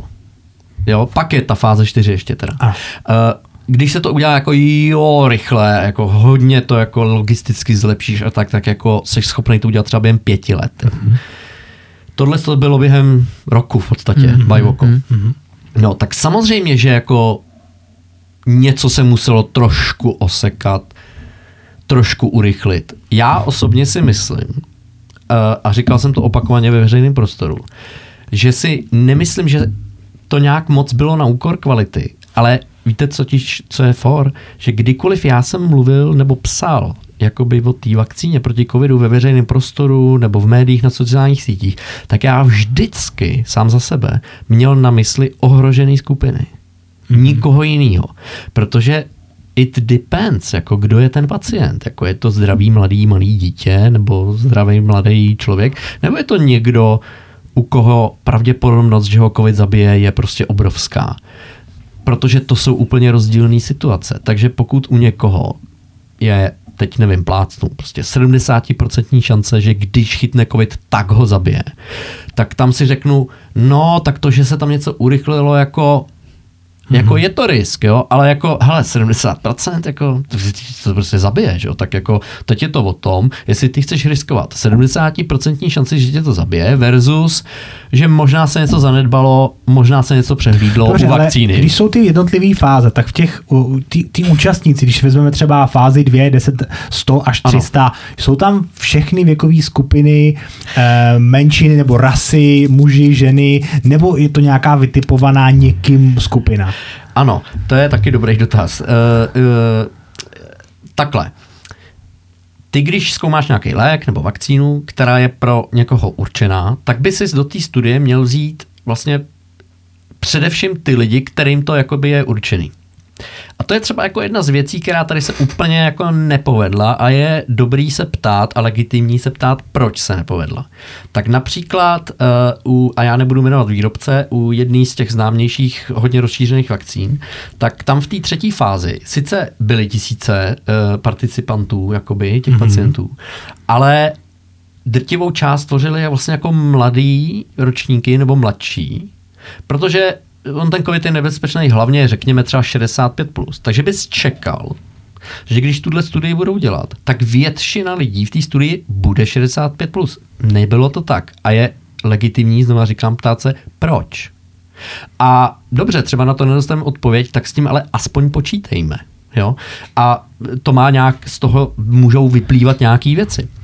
Potom další věc, jak ty si říkal, že ty lidi se dál sledujou. Tak vlastně ty, když vyvíjíš vakcínu, tak ty máš jednu skupinu, ty dáš tu vakcínu, a pak máš druhou skupinu a ty dáš placebo. Což je prostě nějaká injekce, která vypadá úplně stejně, ale je v tom prostě nějaká fyziologický ani ten, nebo ani něco. ten pacient, ani ten lékař neví, Nevěděj, která je tak, placebo a přesně, která je. Přesně. A e, až po nějaký době, co běží ten experiment, tak se to jako odkreje a koukneš se a zjistíš, aha, tak ty, co měli vakcínu a teďkon. Co se vlastně jakoby prokazuje v té studii? Tam se vlastně prokazuje u vakcín a jediná věc. A sice, jestli to vyrobí protilátky v krevním oběhu toho pacienta. A pokud ty dokážeš ve své studii, že tvoje vakcína udělá protilátky oproti placebu, tak je, to, tak je to dobrý, tak je to funkční vakcína. Čili primárně, jako aby to mohlo být schválený myšleno, tak ty čistě teoreticky nemusíš jako prokázat, že já nevím, to, To třeba ochrání zabra- proti velký, že to třeba ochrání covidu. proti úmrtí, nebo že eh, to zabrání šíření. Ne, zá, většinou to jako většinou to tam k tomu bejvá, ale základem je, aby jako každý ten regulační úřad chce vidět, udělá to protilátky, udělá cajk. Jo? A my z medicíny víme, protože proč to takhle je? Je to proto, protože my víme, že když máš ty protilátky, tak tě to prostě to většinou funguje tak, že tě to ochrání. takže, ono. takže jako stačí přece prokázat, že to dělá protilátky. Ale vždycky je to složitější. Uh, nejsou protilátky jako protilátky například. Jo? Jsou protilátky, které se navážou na tu breberku a úplně ji jako vyřadějí z boje. To jsou takzvané jako neutralizační protilátky. A pak jsou protilátky, které jsou prostě uh, šmejdy, jakoby řekněme, mm-hmm. který se sice jako navážou na, ten, na tu breberku, ale vlastně jí nějak moc ani jako nezabránějí, dokonce jí můžou pomoct v množení třeba. Uh, to je ten, myslím, že to je, jak je to, uh, antibody enhanced ADE, tak nevím přesně, prostě to je jako fenomén, mm-hmm. který, a teďkon, uh, to může být způsobený nejenom vakcínou, takovýhle protilátky blbý, šmejdy, že se objeví, který ti naopak uškodí, ale i třeba po prodělání nějaký nemoci. To, to, to je fenomén, který může být tak jako tak.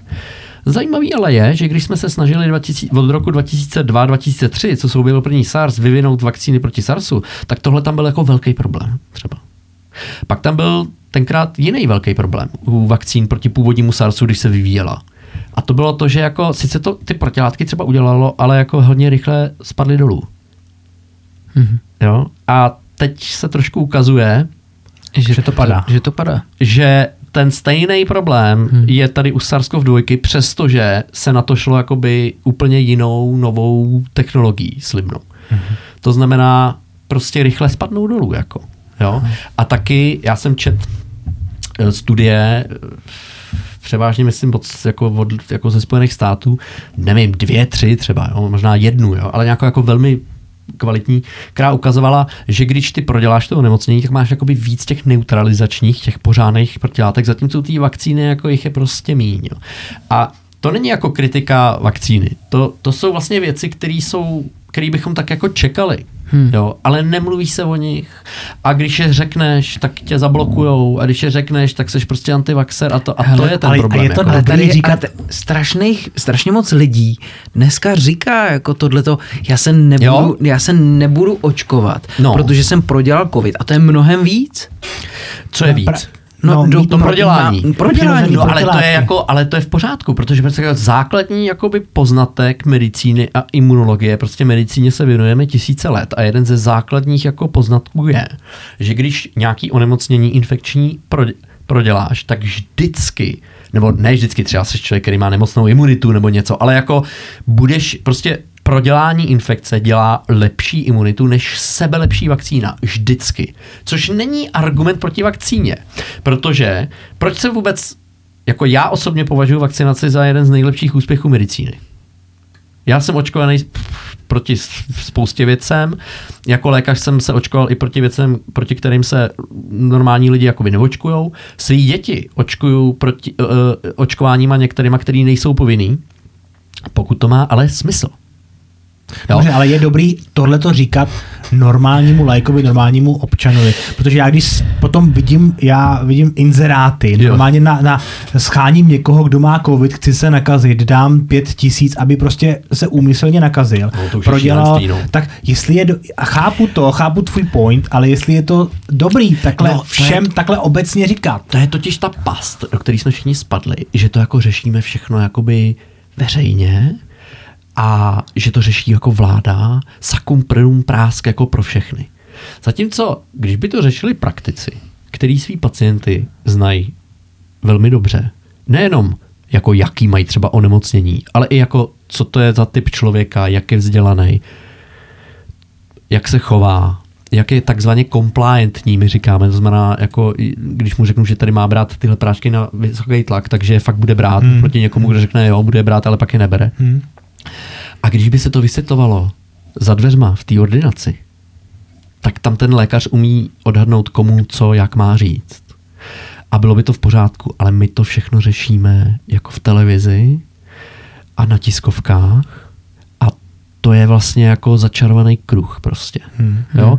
Protože Jasně. najednou, no vlastně nebudeme radši říkat jako tyhle ty věci, protože, a ten tvůj argument je jako správný, je, je validní, jako, jo? ale podle mě se to jako moc přehnalo, že se jako nesmí říct skoro nic. Jo? A ty lidi jsou pak oklamaný a to není správný. Jako já, když jsem přijímal lidi na takový operace, kde dneska se říká, jako, že to je úplně jako o ničem, že to je jako prostě rutina, že jo, já nevím, třeba žlučník vyndat, jo. Tak někdy, někdy se ty lidi ptali, když jsem je přijímal, no a jako můžu umřít, pane doktore? A trochu to mysleli jako srandu, ale ty jako doktor víš, že je tam Může. nějaký procento, kde to mhm. myslí vážně a chtějí jako vědět, jak to je. A jako ty můžeš lhát. Říct, jo, to uděláme, paní a to bude. Já jsem vždycky řekl, no můžete, no. Je to teda krajně nepravděpodobný. Ale jako nulová pravděpodobnost to není. Hmm. Nestalo se to tady posledních, já nevím kolik let. Ale třeba budete první. Hmm. jo? Prostě to není hmm. bez rizika, to není zaručený výsledek. Jako. Mimochodem, jak jsi se ptal, že se ty lidi dál sledujou, velký problém tady u té vakcíny, eh, který zase má to svoje důvody, které jsou do nějaké míry legitimní, ale udělalo se to, že se to eh, odslepilo takzvaně a že ty lidi, kteří měli placebo, prostě dostali vakcínu a přestalo se to jakoby sledovat. Takže my teď jakoby nemáme Aha. kvalitní data. Potom, pokud jde o vedlejší účinky, já jsem pár měsíců dělal ve firmě, která vlastně řeší vedlejší účinky. Prostě firma, která pomáhá jiným firmám monitorovat a řešit vedlejší účinky. Takže malinko, malinko o tom vím, malinko. Jako jo. A vím například to, že obecně za to, a to je jako dlouhodobý problém, se kterým se počítá, tak vedlejší účinky jsou prostě podhlášený. Takže třeba ty lidi, kteří se zabývají touhle problematikou, který se říká farmakovigilance, jako dohled nad bezpečností léčiv, tak vědějí, že když se kouknou na nějakou statistiku, že to musí znásobit o tolik a tolik. Že realita bude jako horší. A už s tím jako počítají. Mm-hmm. Jo, oni vědějí, jo, a teď plácnu, jo, že se hlásí třeba, teď nevím, jo, třeba jenom 10%, no tak to budeme muset vynásobit tak, aby se blížil nějaký realitě. Že? Jo, takže e, teď zase ve veřejném prostoru jsou nějaký grafy, nějaký čísla, ale málo kdo ví, jako no, jako, ale ono to jako bude horší. Jo. A teď já jako neříkám, že ta vakcína je nějaká špatná nebo tak, ale jako ch- strašně bych chtěl, aby jsme se o tom bavili tak jakoby jak by se mělo. A to se mm-hmm. jako neděje. A to, to není dobrý. Jako. No, to já, není dobrý. Já mám k tomu dotaz, osobní dotaz, protože já když ve svém okolí mám nějaký lidi, kteří se nechtějí nechat očkovat, tak jejich nejhlavnější argument je to, že ta vakcína oproti ostatním vakcínám, která se vytvářela 10, 20, možná i více let, se vytvořila příliš rychle. A já jim na to se snažím vždycky odpovídat. Ano, máte pravdu, ale musíte to vzít i z té druhé stránky, že před 10-20 lety operace žlučníku trvala hodinu, hodinu a půl a dneska za 20 minut i sešitím je to hotový. Jasně. To znamená, proč si nemyslíte, že to stejný bude, jsme dál, máme moderní technologie, dělalo na to spoustu týmů, tím pádem se to mohlo urychlit. Tak mě zajímá, jestli mám pravdu a e, jestli si to myslím správně, nebo jsem nějaký jako... No, uh, jako jo i ne, jo. Uh, je to nějaký case do hospody, že jo, tohle. Jo, jo, jak, jo, jsme si, jak, jsem, jak jsem říkal, jo, uh, oni to opravdu jako urychlili. A to urychlení bylo dané jako dvouma věcma. Za prvý, nalila se do toho jako strašná spousta peněz. Jako to zase spolufinancovali i Spojené státy hmm. jako vláda, že jo? Hmm. Jako ty firmy na to dostali dotace, že jo? Šílený. Uh, nevím za jakých podmínek, jo? ale dostali na to prachy. Hmm. Uh, ve chvíli, kdy máš spoustu peněz, tak už si tu logistiku prostě, ta logistika bude rychlejší, efektivnější a tak dále. A e, najednou je to vývoj něčeho, co chtějí všichni, nejenom ta farmafirma. Takže prostě ta energie, ty peníze, ta logistika, všechno je to jakoby optimalizovaný, hmm. takže je to, jo, a, a ty, ty, ta byrokracie a všechno, tak se to nějak jako urychlí. Druhá věc je, jako že některé věci se prostě jako urychlily tím, že se jako neudělali úplně super standardně, řekněme. Mm-hmm. Ale znova říkám, uh, za mě je to OK, pokud je nějaký jako emergency, je prostě jako nějaký průser. A teď nás z toho může trochu vytrhnout vakcína, tak jako jo, pojďme to trochu nějak jako urychlit. A hold je to riziko, jako, ale buďme si toho vědomí, že jsme to nějak jako by urychlili. A za mě, jako moje maminka, už starší paní, s blbýma plícema, tak tý jsem prostě doporučil, ať se očkuje a je to v pořádku. Ale třeba nevidím důvod, abych já se třeba jakoby očkoval z těch zdravotních medicínských jakoby důvodů. Jo?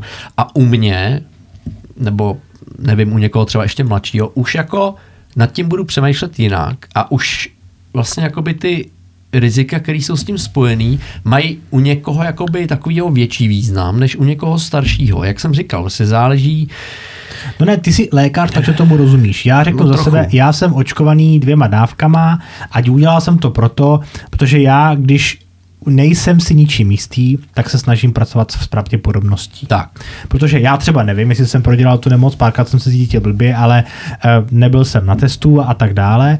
Nicméně pracoval jsem s tím, že ve chvíli, kdy budu očkovaný, tak snížím pravděpodobnost z blbýho průběhu covidu ano. a Eh, jak já říkám, radši si to dám, než bych pak, pak litoval. Takže to byl jeden důvod a volal jsem pár kamarádům, lékařům, mám pě- pěti, jaký mají na to názor. V 95% se shodli, že prostě mi, mi to jako neuškodí a, a že, že to bude dobrý. Jo? Takže jo, eh, je to z pravděpodobnosti. Ale zase samozřejmě já nedokážu pochopit lidi, kteří řeknou, kteří jsou na tom stejně nebo hůř než já, no. ten background nemají takový Jasně. vůbec zdravotnický a ty informace berou jenom z médií Jasně. a řeknou, já jsem se dočetl, že pokud mám určitou, nechám si udělat protilátky, klidně no. si to zaplatím. Jo. A pokud teda uh, jsem ji neprodělal, ale mám vysoký protilátky, no. uh, tak se nemám důvod očkovat. No počkej, počkej, pokud máš vysoký protilátky, tak jsi to prodělat musel. Jako. Jo, jo, jo. jo. jo. No, takže, takže, ale, no. no, ale zase my nevíme, jak dlouho tyhle ty protilátky vydrží. Víme, to se všechno sleduje. To znamená, když půjdu na test ano. a budu mít protilá- vysoký protilátky, ano.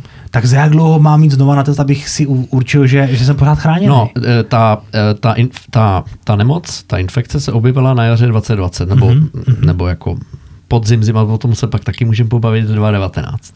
Od té doby prostě, co se to objevilo, tak tohle sledujeme.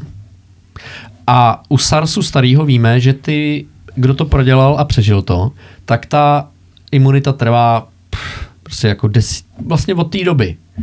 Jo, od roku 2003 mm-hmm. byl mhm. první SARS, tak do teďka ty lidi, kteří to prodělali, mají prostě tu imunitu.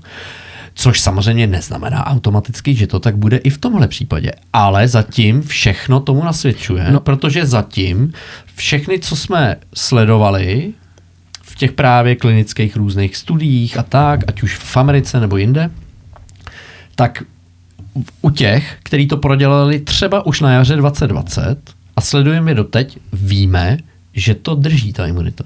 To je jako fakt. A je to je dobrá zpráva, jako to je skvělá zpráva.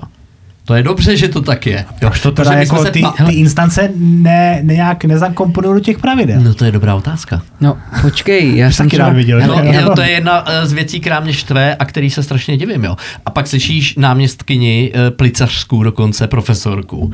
A já jí slyším říct výrok, že jako na protilátkách vůbec nezáleží.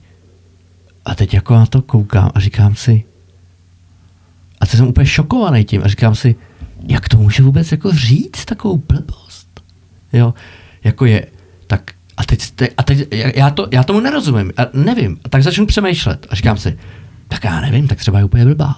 Třeba prostě, já nevím, třeba byla někým dosazená na post šéfky oddělení a je to kariéristka, kterou někdo tlačí a vlastně je úplně blbá třeba, tak nevím, možná. Nebo nebo je prostě zmatená, třeba prostě nemá nastudovaný ty věci, které jsem studoval já.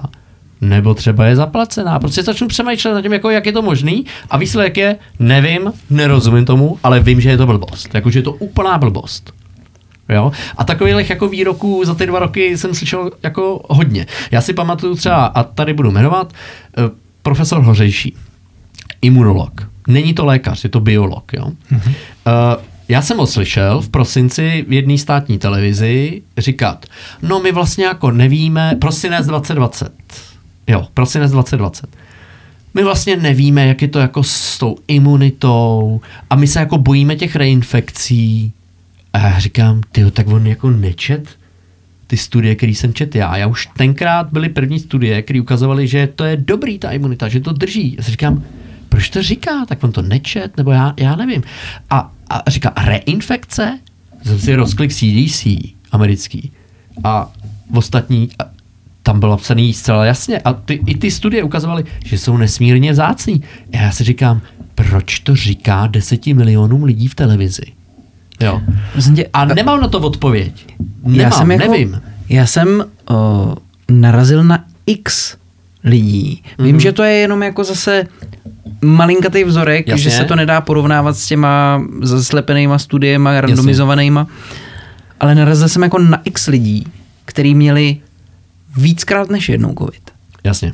A třeba jsem jako minulý týden jsem měl s taxikářem a ten mi říká, no já už ho měl třikrát. No jasně no, o pětkrát, o šestkrát, já ti to vysvětlím, proč to tak je. No. Uh, a říkám, i CDC americká psala a píše do teď, no teď se to možná změní s Omikronem, že reinfekce jsou nesmírně vzácný. Teď vysvětlím, jo. Uh, a tím se dostáváme k, k jednomu ze zásadních témat a to je testování. Mm-hmm. PCR testování, antigen testování. Jedna ze základních informací, kterou lidi jako nevědějí a dosud jim to pořádně nebylo za ty dva roky jako nikde nějak jako řečeno, je to, že PCR test nebo antigen test může být pozitivní třeba i týdny nebo dokonce měsíce po tom, co ty prodělal nějakou infekci, protože máš v sobě pořád jakoby zbytky té breberky, která už ale jako není živá. Mm-hmm. Takže já si dovedu představit, a myslím si, že to tak bylo ve většině případů, a konec konců to si i myslí ty lidi v CDC a tak dále, a proto psali, že ty pravý reinfekce jsou nesmírně vzácný. A to, co my jsme pozorovali jako reinfekce, podle mě bylo to, že teď různý verze můžou být. Tak třeba pan Novák prodělal covid a byl pozitivní a měl opravdu covid. Hm. O pár měsíců později měl zase bolesti kloubů, teplotu, kašel, rýmu, bolest hlavy. Udělal jsem mu test, který vyšel pozitivní na SARS-CoV-2, ale už to byly jenom zbytky toho viru a ve skutečnosti Pardon? A ve skutečnosti měl tu nemoc, tu druhou, která je podobná covidu, způsobenou jinou breberkou, která dělá nachlazení. Jako COVID-19 je onemocnění, kdy máš rýmu, kašel, bolest hlavy, bolest za očima, třeba bolesti kloubů, únavu. Takových onemocnění je bambilion to jsou rinoviry, uh, parainfluenzaviry, influenzaviry, adenoviry, uh, uh, toho je strašně moc. Jako, mm, jo. Takže, Takže myslíš, že se skombinovalo určitě. to, že měl v sobě zbytky no, nějakého takového viru a ano. chytil něco jiného a z toho mu bylo zle, proto šel se znova otestovat? No jasně, no jasně. A jako my víme, že to takhle u infekcí je a víme to i v případě covidu, že ty, když proděláš tu infekci, mm-hmm. bez ohledu na to, jestli ti to způsobí příznaky nebo nespůsobí, ty si projdeš tou infekcí, to znamená, ty si projdeš tím, ty, ty do sebe dostaneš ten virus. Hmm. Ten virus se chytí někde v tvém těle a začne se množit. A teď se rozjede takový ten závod. To je u každé infekce takhle. Rozjede se závod, kdy ta breberka se snaží množit a tvoje tělo se tomu brání. A teď to může mít různý průběh že jo, tak třeba to tvoje tělo nezvládá, on se množí víc a víc a víc a teď jeho je, je tam najednou tolik, že ti to začne dělat příznaky. No, jasně. Jo? Nebo je tvůj hmm. imunitní systém dobrý a nikdy to nenechá rozjet, takže on se jako množí trochu, ale drží ho to, drží ho to a nikdy se jako nerozmnoží natolik, aby ti to udělalo příznaky a pak ho ten imunitní systém prostě, to je jeden z možných výsledků, prostě zlikviduje.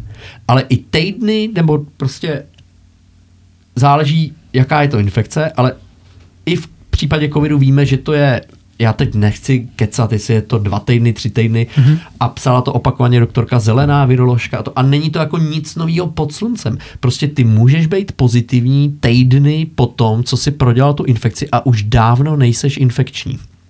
Už v sobě prostě nemáš tu živou breberku, už jsou tam v tobě jenom ty zbytky. Hmm. Jo.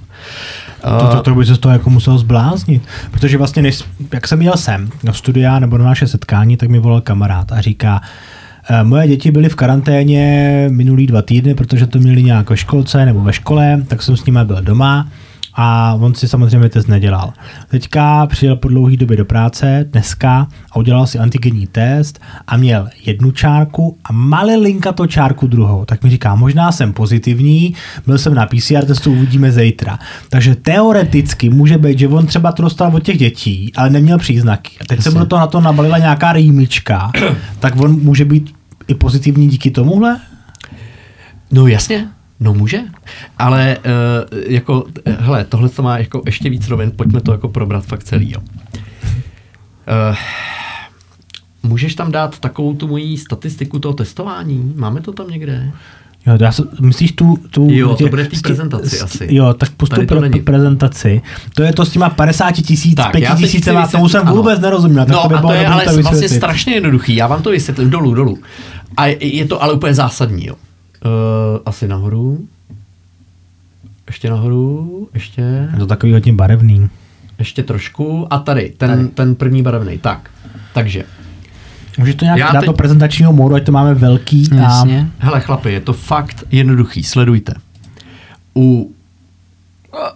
Ne. A já jsme na začátku. Aktuální, aktuální slide. U jakýhokoliv, to nemusí být jenom test nějaký, to může být prostě jenom třeba, nebo ne jenom, to může být třeba i komplexní jakoby diagnostický postup. To znamená, to může být postup v medicíně, který si klade za cíl zjistit, jestli máš nějakou nemoc nebo ne. Takže to nemusí být jenom jako jeden nějaký test nebo jeden nějaký rentgen, mm-hmm. ale třeba i jako celá ta plejáda dohromady. Mm-hmm. Ale zůstaneme u testu.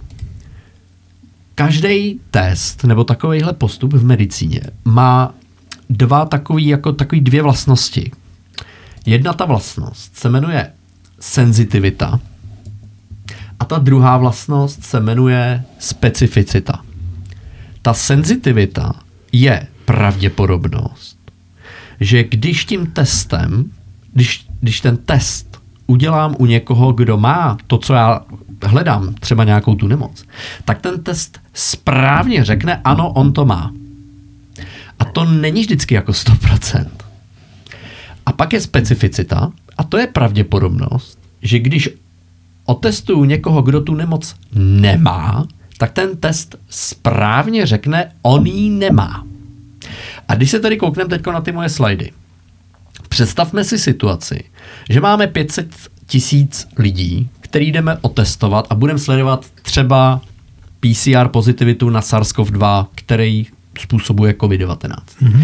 Dejme tomu, že ve skutečnosti 1% má v sobě ten virus, má v sobě ten virus. Mm-hmm. To je 5 tisíc lidí, který ho v sobě mají. Z 500 tisíc. A teď představme si, že si vezmeme test kvality A, který má velmi vysokou senzitivitu i specificitu, v obou případech 95%. Co se stane? Stane se následující. Z těch pěti tisíc, který to v sobě skutečně mají, mi 250 unikne. Hmm. Mm-hmm.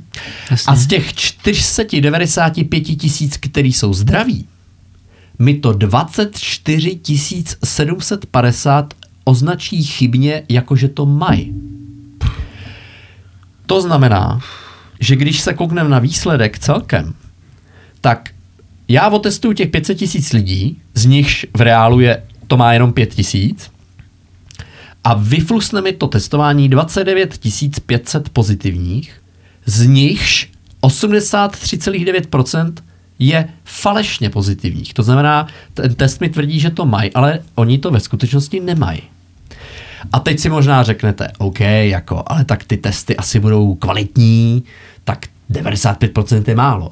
OK, půjdeme na test kvality B, půjdeme, použijeme kvalitnější test. Tenhle ten test má 99% senzitivitu a 99% specificitu.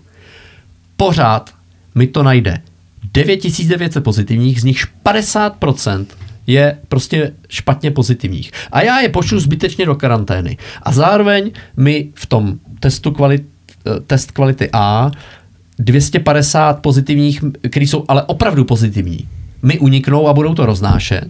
A v tom druhém případě 50 mi utečou. A spoustu lidí v obou dvou těch případech zavřu do karantény zbytečně. Jo? A teď půjdeme na další slide. Což je ale pořád to menší zlo. Zavřít Jasně, falešně lidi do karantény, záleží, než co ven chceš. pustit ty, kteří to mají. Záleží, co chceš, co je tvým cílem, jaká je, uh, jaká je, jako v jaký fázi té epidemie seš. Prostě záleží jako na určitých věcech. Jako jo. Není, ne, nemůžeš, nemůžeš to říct jako absolutně, že je to menší zlo, protože někdy to třeba je menší zlo, ale v nějak, za nějakých jiných podmínek už to jako je velký zlo třeba. Jo. Mm-hmm. Uh, jenom chci ještě ukázat, že a to je jako jakýkoliv test v medicíně. Nebo jakýkoliv vyšetření. Každý vyšetření, každý test, každá diagnostika má nějakou senzitivitu a nějakou specificitu. A teď se podíváme na situaci, kdy zase máme 500 tisíc lidí, ale jenom 0,1% z nich to opravdu má, to, co já jako hledám. Mm-hmm. Takže ne 5 tisíc, ale jenom 500. A teď si všimněte, že i u toho super kvalitního testu vám to vyflusne 90,9% všech pozitivních jsou špatně pozitivní a nemají to ve skutečnosti. Na tomhle chci ilustrovat to, co se naučí každý medic. Že jedna věc je senzitivita, druhá věc je specificita a pak záleží na takzvané prevalenci. Prevalence je, zjednodušeně, kolik to skutečně má. A pokud ty budeš testovat populaci, tak nějakou, tak čím míň lidí to skutečně má, tak tím míň přesný výsledky budeš dostávat. A teďkon, já když jsem si přečet, to už je nějaký čas zpátky, že v Rakousku otestovali nějakých 200, 250, 300 tisíc dětí, ale i s učitelským sborem. A teď jim tam vyšlo nějakých, to mám možná na dalším slajdu, se podívej. Tady. Rakušani, Rakušáci otestovali nějakých 200-300 tisíc lidí, kde většina z nich byly děti, ale byli tam i jako zaměstnanci těch škol, učitele a tak. Ale ten test, to, to testování, jim ukázalo 211 pozitivních. To je strašně málo. To je tak strašně málo. Mimochodem 79 z těch 211 byli dospělí. Takže těch dětí jako ještě méně. A teď Jak je to možný? já ti to vysvětlím.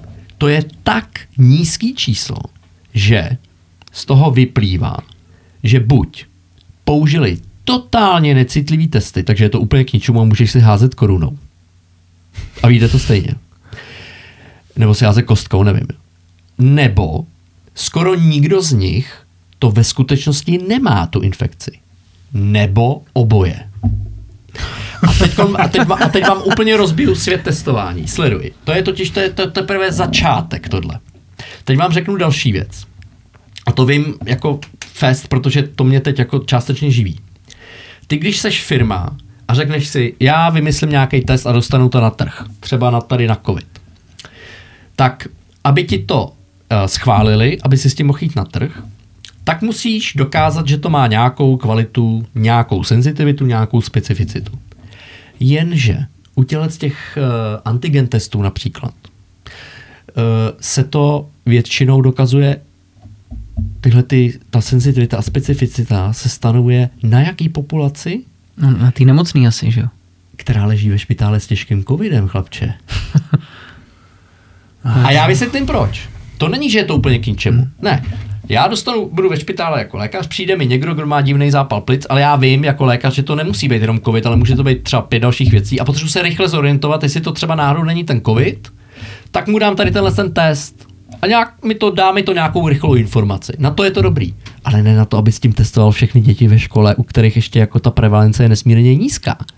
Protože ve chvíli ten test má nějakou senzitivitu a nějakou specificitu u někoho, kdo v sobě má prostě tunu toho viru. Ale u nějakého dítěte, který v sobě prostě ten virus skoro vůbec nemá, to bude mít ve skutečnosti tu senzitivitu a specificitu ještě nižší. Jinými slovy, když někdo říká, a já jsem jeden z nich, že tady to plošní testování speciálně jakoby dětí ve škole je úplný nesmysl, tak to není dezinformace, ale to je jako realita. To prostě je totální nesmysl. A jinými slovy, promiň, když budu mít test, který má ano. specificitu i senzitivitu 99,999, Aha. tak čím víc po čím víc lidí já budu testovat, tím víc to může být nepřesný. Jinými slovy, pokud jak, jak Slováci se snažili testovat celý národ, nebo všechny, No. a i kdyby měli nejpřesnější testy, protože není nic stoprocentní medicíně, Ne. tak, tak je to špatně. To není, to, pozor, to není funkce toho, kolik těch lidí otestuješ, ale je to funkce, jako ta, ta míra té nepřesnosti se odvíjí ne od toho, kolik lidí otestuješ, ale kolik těch lidí, který ty testuješ, to skutečně má. Jo. A teď ještě jako další mind F, jo? A to se pořád bavíme, teď dejme tomu, že jsme se bavili třeba o PCR testech, jo? Tak to jsme se bavili o tom, že ten test správně nebo nesprávně najde člověka, který je PCR pozitivní. Co ale znamená, že je PCR pozitivní?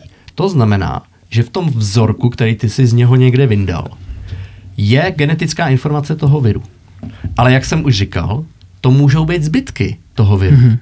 Takže ano, tvůj test v tomto konkrétním případě třeba správně určil PCR pozitivitu.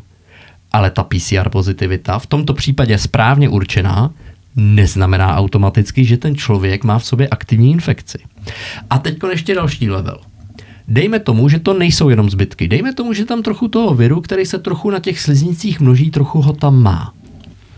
Ale má ho tam tak málo, třeba v tom konkrétním případě, že když bude chodit a dechat na ostatní, tak to nikdo nechytí, protože to je v mikrobiologii jakoby takový poznatek, že my vlastně jakoby víme, u všech infekcí tohle je, ať je to vir, bakterie, plíseň, tefuk, že aby došlo k úspěšné infekci, to znamená, aby se ten virus v tobě, laicky řečeno, chytil a začal se úspěšně množit, tak do sebe musíš dostat nějakou minimální dávku.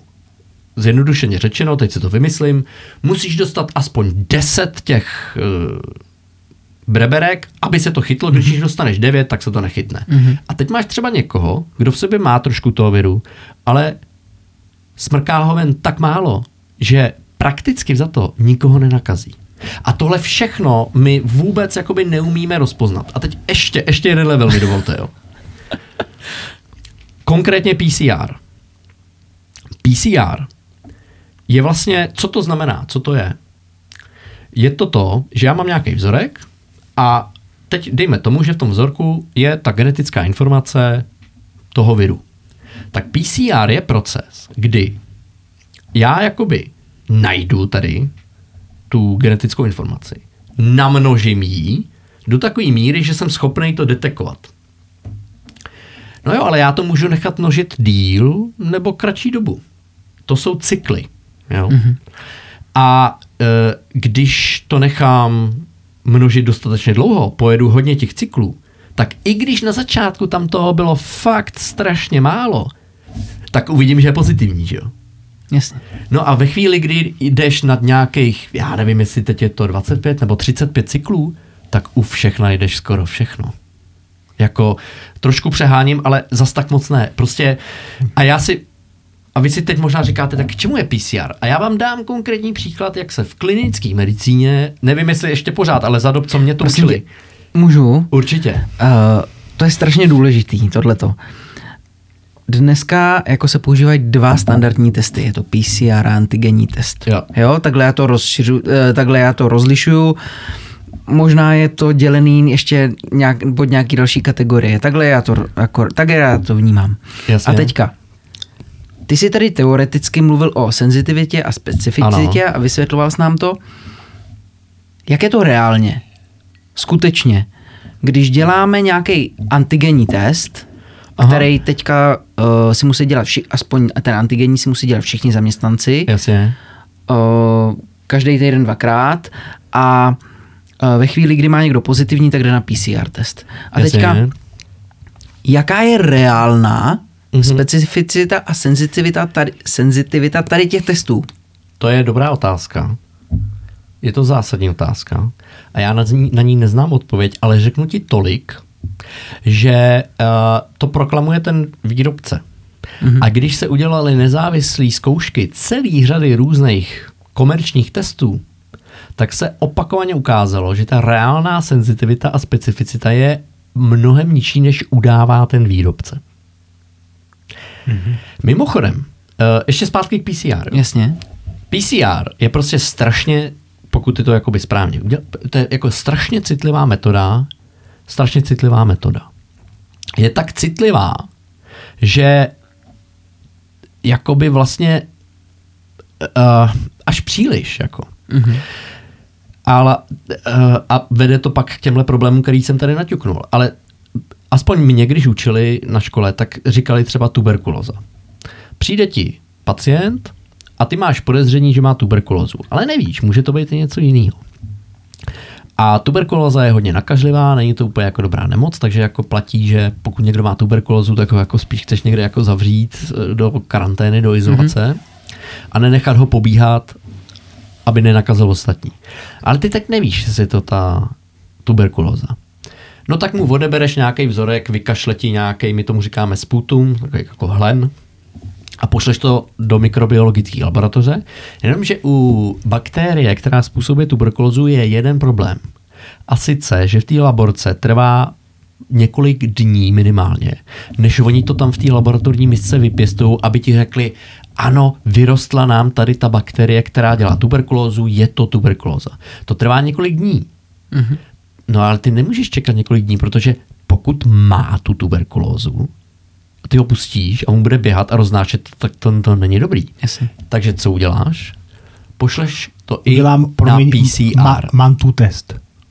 Jo, Co to? to je imunita, ne? Podkožní, no, no, no, no, podkožní no. takový, ty, a to jsem jako Ty, odbočil. ty tam nebo- zavoláš do té laborky a řekneš, udělejte mi, pošlete to na kultivaci, ale udělejte mi i PCR test. A PCR test řekne, našli jsme tam genetickou informaci té berberky, která dělá tuberkulózu. A teď já tomu pacientovi řeknu, pane Novák, uh, my jsme udělali takový super citlivý test. A z něho vy, jako, ten nám jako vyflusnul výsledek, že to vypadá na tuberkulózu, ale neděste se. To neznamená na 100%, že to ta tuberkulóza je, jenom že to může být. A jestli to ta tuberkulóza skutečně je nebo není, se dozvíme za pár dní z laborky, až oni to tam vypěstují.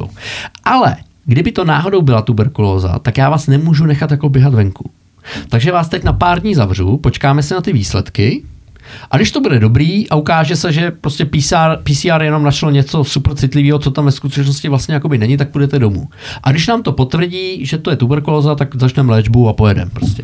Takhle se používá PCR jako v klinické medicíně. Teď, ale teď tady se to bere jako berná mince. No, ale to je chyba. A není nic lepšího než Ne, PCR chyba. test. Jak to? No dobře, teď to tady říkám. Co No dobře, tak to je dobrý. Všecko, já, kdyby, Já, všecko tomu, to, já ti jako rozumím. Jo. Já jenom nechápu. No, jak je to možné? Jak je to možný, že teda se to bere jako stoprocentní pravda, když to tak nemusí být? No, Protože to je lepšího správná ne, nebo takhle, moje otázka zní, všemu tomu rozumím. Sice si mi rozhodil hračky prostě všude jako do kanálu a tak dále. Ale teďka, já se tam možná ošklivě. Jo, tady se To je ošklivě. všechno jako dobrý. Ale teď si představ, že by si teoreticky měl, hele, někdo uvidí tenhle ten díl a řekl, hele, ten, ten kluk něco ví, Jasně. pojď mi říct, jak to teda udělat, Jasně. aby to bylo lepší. Jasně. Jak v oblasti, testo, oblasti testování, tak. tak v oblasti očkování. Jo, jo, Tak jo, zkus jo. nám to teďka prostě tvůj názor, jak bys tohle vyřešil. Tak, já chci, ještě než to řeknu, vysvětlit jednu věc. Jo. Eh, Záleží, v jaký jsi jako fázi té pandemie lomeno epidemie. Uh, teďkon, v tenhle moment, já osobně jsem přesvědčený o tom, že se všechno, co děláme, může a mělo by vypnout. Úplně vypnout. Není to potřeba. Vůbec. To znamená netestovat, Vůbec. žádný roušky, Když žádný někomu zavírání. bude jo blbě, tak ať ho praktik pošle na test. OK, nemám s tím problém. A to je jako všechno. A očkování? Prostě není důvod vůbec to dělat povinný. Uh, a ať si každý svobodně rozhodne, jestli se chce očkovat nebo ne, ať to řeší praktici. A víc nic netřeba teď už. No, ale s těma testama, jak by, ve, ve chvíli, kdy No to něk- vypni. něk- No to je k ničemu. No dobře, ale když někomu bude blbě. No. A nebo ne, třeba jako uh, já nebo Jakub, když jdu navštívit prarodiče, tak Jasně. se jdu pro jistotu testovat. I když no to nemám můžeš, žádný no. příznaky. No tak to si klidně se testuj, no. Ale když teďka vím tu informaci, co mám od tebe, No. tak v podstatě já můžu být buď falešně negativní, No. falešně pozitivní. No, no, to znamená, můžeš, no. je to úplně k ničemu. No, jako... Jo i ne, no tak Ta protože... pravděpodobnost je malá, ale nějaká možnost tady je. Jasně, ale to je přesně jako o tom vědět v té medicíně, jde vždycky je to stejný. Jde o to vědět, jak ty věci jsou a pak ať se každý rozhodne. Hele, jo? a Jako, já ti říkám, jak to je a jestli se budeš testovat nebo nebudeš předtím, než půjdeš k prarodičům, jako to je, to je věc, to, to si rozhodni sám. Já to nedělám. Já se netestuju předtím, než jdu k mamince. no ale teď mám třeba uh, uh, jako zánět dutin teďko, nebo, nebo jako mám Mhm. rýmu, jo, no tak prostě nebudu k ní chodit a když k ní půjdu, tak se s ní nebudu úplně nějak objímat a, a líbat a tak. A, a kdybych, kdyby mi bylo třeba ještě trošku víc blbě, no tak prostě zůstanu doma, abych nenakazil ostatní a taky, abych pořádně vyležel nemoc, jako. Ale Dobře, ale ve fázi, A kdy... nebylo- A, a, dobře, teďka a je to... nebylo by, promiň, nebylo by zodpovědnější Ano. jako se teda otestovat? Hmm. Proč říkáš, že to vlastně jako, že, že to neděláš? Nebo pro, takhle, spíš jinak, proč to neděláš? Šimon to nedělá, protože, Protože- je z lékařský rodiny a když maminka bude vážně, tak kvůli, kvůli kuli, že jo, a zařídí, zařídí ty to dobře, ne? No ne, tak protože tak mamka je, jako je očkovaná, tak o co jde? Jako? Je očkovaná, ona s tím problém nemá, mm-hmm. že já to takhle dělám, já s tím problém nemám a je to přece naše věc, jako. Jasně. Jo? No a, a pomůže teda třeba Ano. uh, tomu, když teďka Patrik tady mluvil o tom, že může být falešně negativní nebo falešně pozitivní, Jasně. když si udělá ten test. A vlastně ta šance, jak jsi teďka nám tady vysvětloval, když Ano. se bude jako uh, testovat masová populace, Ano. tak je obrovská. Ano. Tak dá se to vyřešit tím, že si ty testy uděláš dva? No to už... A že, a že budeš eh, hledat stejný, jako, to stejný už je výsledek? pak jenom do jednoduchý matematický rovnice a mohli bychom si to tady spočítat, ale jako OK, můžeš jich udělat 10 a nějak to trošku jako třeba zlepšíš, ale prostě strašně záleží na tom konkrétním testu a tak dále. Jo. Hele, třeba a jsem- jako, že třeba bychom jsem- začali testovat ještě jako desetkrát víc, jako jo. Ne, ale třeba, hele, třeba no. jako jsem blbec, jo, ale já právě takhle, uh, bylo to už loni, ne let, letos, ale před Vánocema jsem, uh, protože jsme se chtěli setkat se širokou rodinou o Vánocích, tak jsme si domluvili, že si všichni otestujeme. Jasně. A teďka uh, já jsem si udělal uh, antigenní test a ten jsem měl pozitivní, tak říkám, OK, to nic ještě neznamená, protože to může být falešně pozitivní.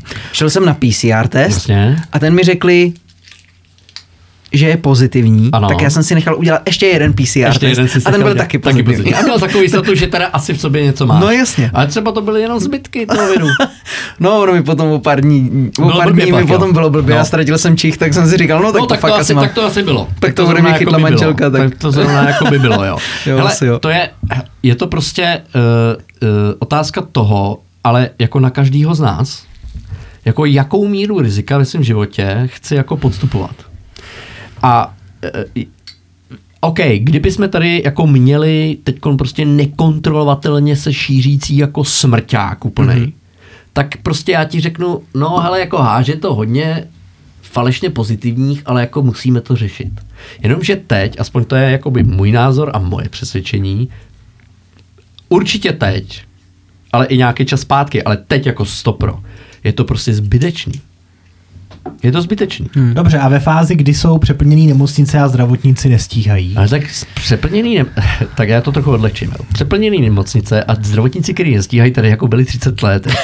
Ale dobrý, bavme Dobře, se jako, s, bavme se jako nemo- vážně. s běžnýma nemocema. Teďka k tomu přidala další a plus tomu nějaká jako Hele, co hysterie. se, hele, eh, to je trošičku taky jako na vodě tohle teď, jo.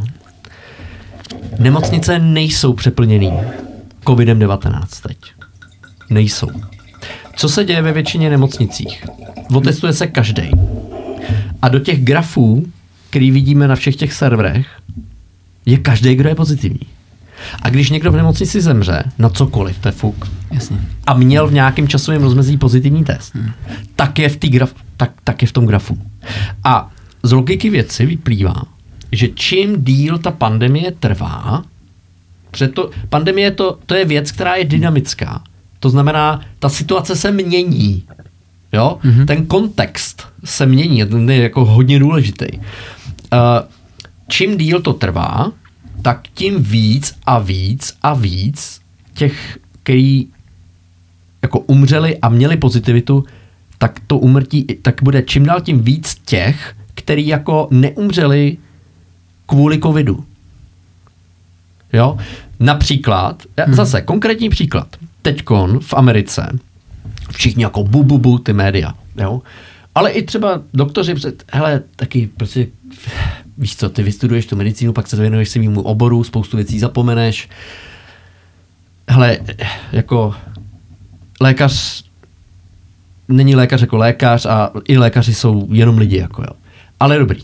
V Americe teď se řešilo, že jako strašně moc dětí covid, eh, zvyšují se čísla jako hospitalizovaných dětí covid. Ale i sám Fauci řekl, no ale to jsou jako jenom pozitivity, že jo. To je kdo? Fauci? No to je ten hlavní strateg boje proti koronaviru, poradce prezidenta. Takový ten, takový Něco ten jako brejlatý, brejlatý chlápek? Tak, tak, tak. Bez vlasů téměř. Nevím, jestli bez vlasů, ale brejlatý je. No máš, a... na, máš na tom obrázku na té prezentaci, je tam, je tam Mám vidět. tam? No, jo, někde, myslím, že jenom z posledních slajdů tam je nějaký pán no, to, uh, ale nějaký někdo jiný, z kongresu, z amerického kongresu nějaký. Ne, tak to je někdo, ne, tak to je úplně někdo jiný. To je, to je ještě jiný téma, jo. to je téma Ivermectin a tak, to je taky, to je taky zajímavé. Tomu se taky, tomu se taky, můžeme dostat. No. No. Uh, uh, já ještě k těm pandemím. Tohle není uh, jako ani první, ani poslední pandemie. A my jako lidstvo jsme už jako těch pandemí pár zažili a máme je i docela dobře zdokumentovaný. A proč nějaká infekce, proč nějaká breberka udělá pandemii? Protože ne, může se objevit nějaká nová breberka, ale nemusí udělat pandemii. Uh, u všech těch pandemí to běželo více méně, jako ne stejně, ale podobně. Prostě princip je následující. Objeví se nová breberka. To, že je nová, je myšleno hlavně, že pro náš imunitní systém je nová. To znamená, my jako lidi proti ní nemáme jakoby dobrou imunitu nebo třeba dokonce žádnou. A teď ona nás nakazí a už se šíří. A teď některý třeba zabije nějaký lidi a nějaký lidi to přežijou. A ty lidi, kteří to přežijou, tak ten jejich imunitní systém udělá tu obranu, udělá tomu tělu, udělá protilátky, protilátky buněčnou imunitu, mimochodem jako pro lajky, protilátky jsou vyráběný buňkama. Máš dvě hlavní linie těch bílých krvinek, takzvaný T lymfocyty a B lymfocyty. T lymfocyty bojují přímo s nepřítelem. B lymfocyty bojují s nepřítelem tím způsobem, že vyrábějí proti němu protilátky. Mm-hmm.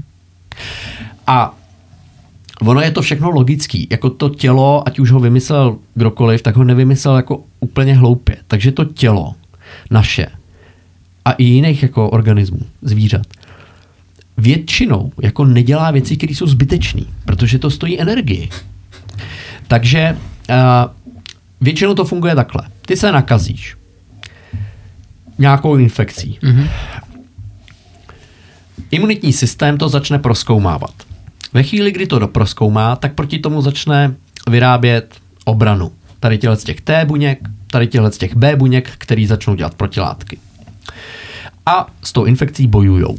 Ten boj vybojujou, ty se jakoby uzdravíš a teď oni jako ale ještě pořád jsou rozjetý. Protože to tělo není hloupý a ví, že tohle byla infekce. Takže ona tady v té populaci kolem tebe ještě třeba možná běhá, Aha. tak to ještě chvilku necháme rozjetý. Takže ty teď třeba týden po té nemoci si vyšetříš protilátky a pořád máš vysokou hladinu třeba, nebo i měsíc, nebo třeba i tři. Protože to tělo není hloupý a řekne si, hele, budeme tu obranu jako držet rozjetou ještě mm-hmm. nějaký čas a teď bdí a sleduje to. A teď nepřichází ta infekce znova? Nepřichází. Pořád nepřichází? pořád nepřichází. A teď plyne ten čas a ten imunitní systém si řekne, hele, tak dobrý, asi je to pryč a můžeme to sklidnit. A teď to sklidní, protilátky jdou dolů, počty tady těchto z těch buněk jdou dolů, ale ten imunitní systém je vymakaný. Protože i když se to jako takhle vypne, víc nebo míň, tak ty buňky, jak ty T, tak ty B, zůstanou někde schovaný, který si to pamatujou. A když se ta infekce objeví znova, třeba za rok, tak ten tvůj imunitní systém to rozpozná a řekne, hej, bacha, to je to, co tady bylo před rokem. A teď tam jsou ty, eh, ty paměťové buňky. My to známe a rozjedou to znova. A ta odpověď, ta druhá odpověď imunitní je rychlejší, silnější. Takhle funguje imunita. Mm-hmm. To je jako základ té imunity. Jo? Uh, a teď nevím, proč jsem o tom mluvil, ale to nevadí. Já taky ne. Takhle, jo, fáze té pandemie. Takže objeví se nová breberka, projde to tou populací do nějaký míry, nějaký lidi to třeba zabije a nějaký lidi si proti tomu udělají imunitu. Jenomže tím, že ta nemoc je nová, tak e, dobře, ta varianta, ta počáteční, která, protože už od začátku je těch variant víc, ale jedna z nich je, jako že se nejrychleji šíří, tak dominuje. A proti tý si ta populace lidí udělá imunitu. Ale pak, takže ta už nemá pak šanci. Ale jsou tam ještě nějaký další varianty, které doteď byly jakoby slabší, ale teď jsou těma nejlepšíma, tak se rozšířej, protože proti ním ta imunita zase tak dobrá není, ta, která se vyrobila proti té první variantě. A udělá ti to tu druhou vlnu těch nemocných a mrtvých. Takže zase se udělá ta imunita. A takhle to běží nějaký čas. A většinou jsou to jako dvě, tři, čtyři vlny. Jo. Uh, proto když já jsem byl po, tý, po tom jarním lockdownu v jedné televizi a teď tam seděli ty chytrý experti, jeden z nich šéf všeobecní fakultní nemocnice říkal, já jsem přesvědčený o tom, že další vlny nebudou. Co říkám, jako, jo, Řek- fakt jo. mu to. no je, říkám, fakt jo. Jako to, je, to, to, by bylo hodně divný, kdyby nebyly další vlny, jako, protože je to pandemie a prostě u všech pandemí bylo víc vln, jako, jo. To jsem teda, jako, jak jsem si v tu chvíli říkal, jak na to jako přišel, jo. Prostě, jo. A, a, a teď my jsme ve fázi, kdy eh, v podstatě, a teď někdo říká pátá vlna, šestá vlna. Takhle jo. Vlna nemá jasnou definici v epidemiologii. Ale většinou se tím myslí buď počet nemocných, to znamená ty, kteří mají příznaky, ne počet PCR pozitivních. Když byla pandemie španělské chřipky, pandemie jiných chřipky, pandemie všeho možného, tak tenkrát nebyly PCR testy a říkalo se vlna. Těm tou vlnou se primárně myslí buď nemocný, který mají příznaky té nemoci, nebo ty, kteří na ní zemřeli. Jedno z toho. Tak si řekněme, že budeme vlně, že, že, že pojem vlna dáme počet mrtvých, jo? Počet mrtvých na daný onemocnění, jako jak to chceš sledovat? uh, teď to sledujeme tak, že kdokoliv je PCR No, pozitivní. Jako blbost. No, tam máš A- právě jeden A hlavně slide, kdokoliv, kdo, kdokoliv zemře na... A m- kdokoliv zemře a Ano. má i covid. Ano, že ty tam máš jeden Pozor. slide, Ano. že 95% lidí, kteří zemřeli na covid, měli nějaké další přidružené No onemocnění. ano, no jasně, no jasně. No, to Tak- jo. Takže vlastně to je zavádějící, protože ve chvíli, kdybych já chtěl vědět číslo, který, nebo kteří pacienti zemřeli pouze na covid, že měli jenom covid Tak. a nic ne dalšího, No. tak se ho nedozvím. No, nedozvíš moc, no. A No. no. právě musíš se ponořit do těch studií a hledat ty indicie a, a, a hledat ty informace a pátrat a to je vlastně celá ta věda, to je to pátrání No, po a těch co, se, co se taky bere, když třeba řeknu, dobře, tak někdo měl, má, je kardiak a Ano. dostal covid. Nebo Ano. má, jak ty říkáš, maminka slabší plíce Jasně. a dostal covid. Ale ve chvíli, kdy budu třeba mít jako bolesti zad nebo spondylolistézu, Jasně. tak můžu to brát jako další komorbiditu, která mi může ovlivnit průběh toho onemocnění, nebo ne? Zase, co, co, co ještě Hele, je? jo. A co, co už není? Jako... Hele, ono jako... Mám eh, třeba plochý nohy, nebo něco takového. Jasně. když, tak, když tak mě Šimone oprav, No, no, no. ale já mám takový dojem, že uh, ta největší, největší riziko mají ty nejstarší lidi. Jo, Ano. čím, čím vyšší věk, tím vyšší riziko, že můžeš s covidem zemřít. Zemřít, ano. A- Nebo tě poškodí hodně Přesně třeba. tak. A, ale ono jako co si budeme říkat, čím jsi starší, tím víc máš nemocí. No ale teď to je ono, to s tím souvisí. A tím víc máš tady těch, kom, ono se tomu říká komu, komorbidita, Komorbidity. Ano, že jo, ano, ale, ano. ale je to jako vlastně, Přidružená onemocnění. že máš víc onemocnění najednou a teďka, když s tím No, jasně. zemřeš, tak vlastně se to jako započítá do více statistik najednou. Jo, ale jo. A ty jako lékař, když ti někdo umře, tak uh, Jsi smutný. jak kdy, jak kdy, někdy je to jako, Vysopození. Hmm. pro některý lidi je to to, že to chtěli jako. hm, A konečně se jim ulevilo. Uh, smutnej seš, když to jako nečekáš. Hmm. Když je někdo, když je ten případ blbej a jako všichni vědějí, jako že už není co pro toho člověka udělat a nějak tak jako prostě to někdy, prostě to v nějaký moment jakoby prostě přijde. Mhm. Eh, ale když někdo, u koho to vůbec nečekáš, umře, tak pak začneš zjišťovat, jestli si něco nepodělal Hmm, a tak. hmm, hmm. A, každopádně, když jakoby někdo ve špitále umře, tak eh, ty jako ošetřující lékař bys měl do takového lejstra napsat vlastně jako na co umřel ten člověk. Uh, není to zas až tak úplně jako přesný a jednoduchý to jako napsat správně.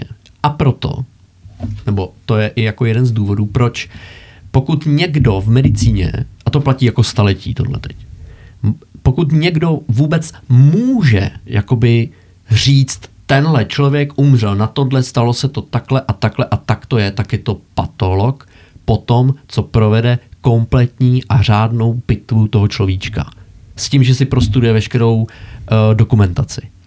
A uh, já tam napíšu zástava srdce, ale třeba nebyla, třeba umřela něco jiného, ale jako neřešíš to, protože to byl člověk v terminálním stádiu třeba nějakého nádorového onemocnění, tak to není důležitý úplně. Jo? Mm-hmm.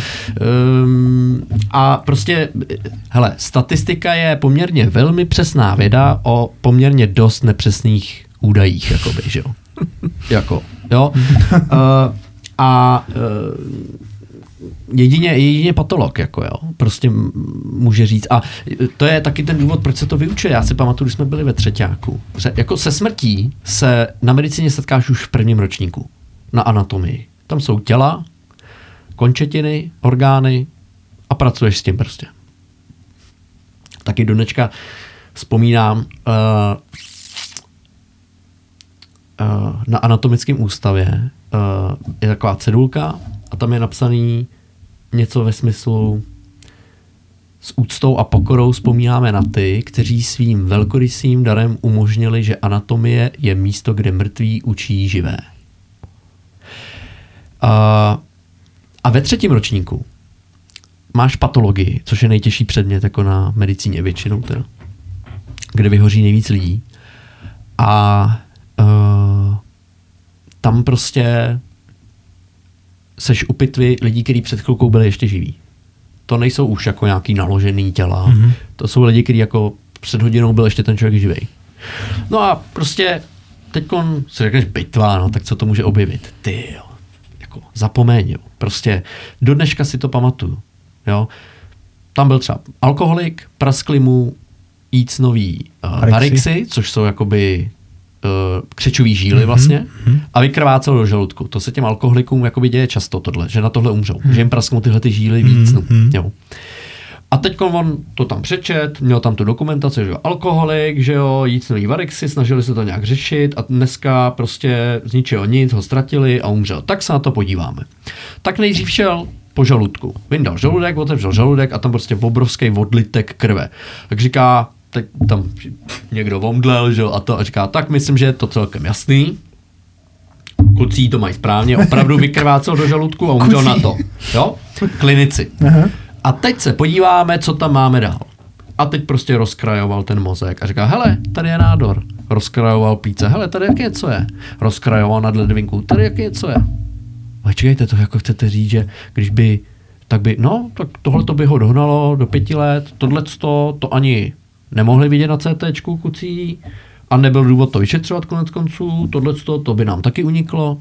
Hele, obrovská míra pokory, jako před tím vším, jo. A prostě ten patolog jako řekne, jak to bylo. Jo? A dělá se to právě i proto, že on pak třeba jako přijde a řekne, kluci, tady vám něco jako uteklo. A tím se zlepšuje ale ta péče. Už staletí jako.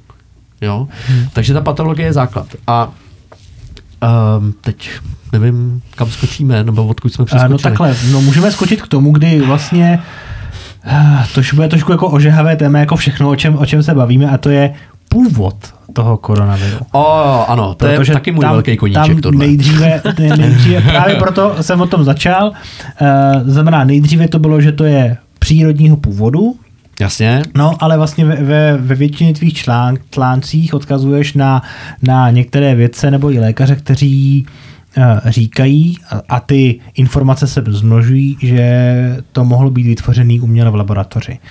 Uh, tak jestli bys nám k tomu něco řekl Určitě a rád. o co, o jaké fakta nebo domněnky jo. se tohleto opírá. Ok, ok, tak jdem se ponořit do králičí nory. Ale úplně na úvod, aby nás nevypnuli někde na Facebooku nebo tak, tak řeknu, já nevím, možný je oboje. Jsou v podstatě dvě možnosti. Buď to přeskočilo z jednoho zvířete na druhý a z druhého zvířete na člověka. Je to klidně možný, že je to tenhle ten případ. Nebylo by to poprvé ani naposled.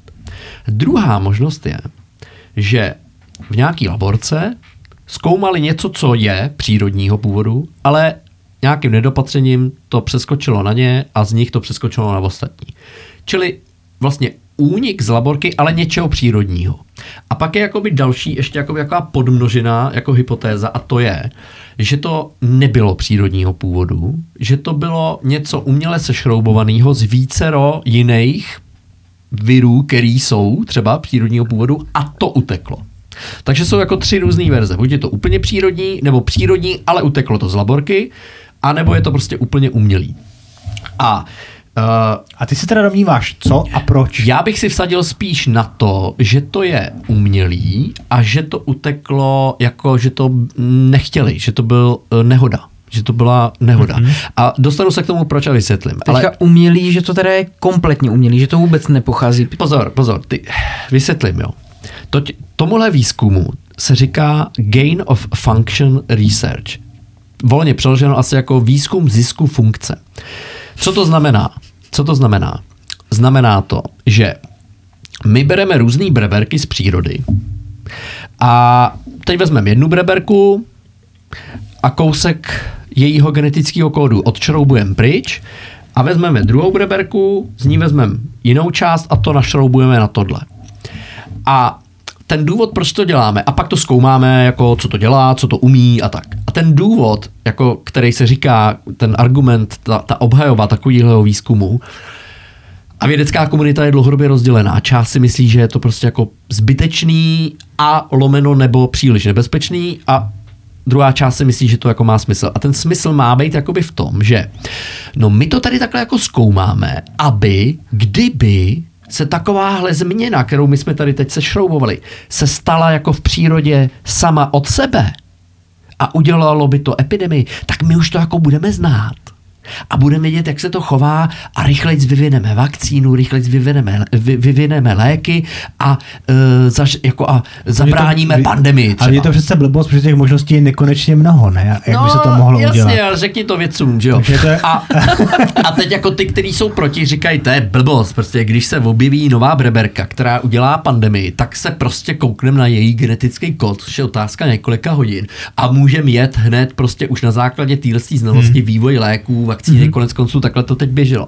Já si taky myslím, že je to zbytečný výzkum. Všichni moc dobře v medicíně víme, že jako další důvod, proč se to dělá, jsou jako vojenský důvody. Mm-hmm. Biologické zbraně což není žádný jako hoax, žádný dezinformace, nic. Už prostě na Bulovce na té infekci nás učili a je to v každý kvalitnější učebnice infektologie. Na konci sice malá, ale velmi důležitá. Kapitola biologické zbraně. Co může být zneužitý, co může být použitý. SARS první, pravý neštovice. Já si pamatuju na té Bulovce, přišel vyučující a řekl, tak dneska si řekneme, jak vypadají pravý neštovice klinicky, jak se diagnostikují, jak se léčí a my jako už to měli na háku v nějakém čtvrtáku nebo nevím kdy a, a jako byli vymícený, ne, docente. Mm-hmm. No to byli. Ale i západní, i východní laborka to má. A když nějakýmu debilovi rupne v kouli, tak ty budeš dělat co potom? Budeš na koleni rychle studovat, jak vypadají pravý neštovice? Ne. Ty si vybavíš můj seminář a jenom si to rychle oživíš a budeš vědět, co máš dělat. A my, OK. Dobrý. Takže to jako... A vysvětlil vám taky, proč to teda jako uchovávají. No jasně, tak protože je to skvělá zbraň, že jo. Jenom kvůli zbraní. No jasně. Aha. Jo? A e, čili to, to, to, jako, to není jako nějaká fantasmagorie, to je jako realita těžká. Jako. A a ten výzkum e, zisku funkce děláme všichni. To dělají američani, děláme to my Evropani, dělají to Australani, dělají to i Číňani. A teď jo. Objeví se nový SARS-CoV-2 COVID-19. Tyjo, jako to už jsem si na jaře 2020 říkal, že to je docela náhoda. Ze všech míst planety, ze všech možných míst na téhle planetě, se ta nemoc objeví zrovinka ve městě Wuhan, která má tři, minimálně tři, vím o třech, biologické laboratoře, který už mnoho let zkoumají koronaviry a dělají gain of function research na nich. To je ale náhoda, že jo? Ale je to jenom náhoda. Třeba to je přírodního původu, jsem si tenkrát říkal, ale říkal jsem si, je to, ale jako je to divný, tyjo. Je to jako divný, to je jako divná náhoda. No a jak přibývalo vědeckých prací a argumentů, a já to, se to snažil nějak sledovat, tak se těch náhod jako objevovalo pořád víc a víc. A navedla mě k tomu hlavně jedna práce jedné paní doktorky, která původně je uh, oční lékařka, ale pracovala dlouho na virech, myslím, že i přímo v jedné z těch laborek ve Wuhanu. A uh, ona od začátku tvrdí, že je to umělý, že to, ona si dokonce myslí, že to bylo umyslný, já se to nemyslím. A začala to hlásat, jako, a zdrhla v dubnu 2020 z Hongkongu do Spojených států, kde se do dneška schovává neznámo kde. A z, už od té doby vyprodukovala už tři takové obsáhlé e, práce, kde argumentuje pro ten laboratorní původ.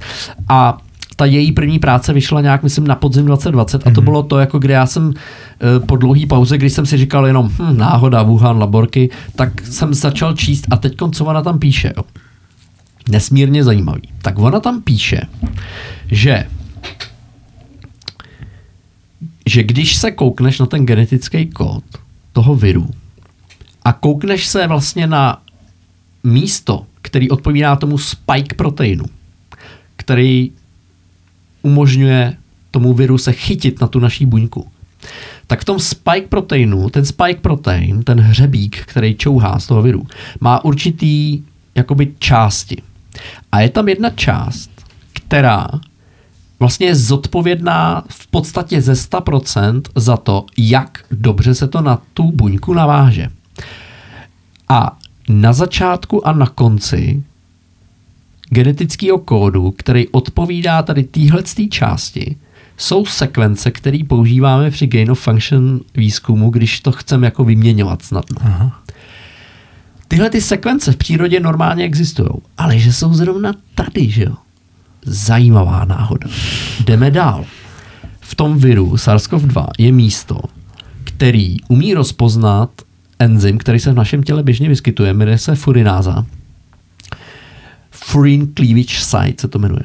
A vlastně v tom místě ten enzym rozštěpí jakoby ten virus.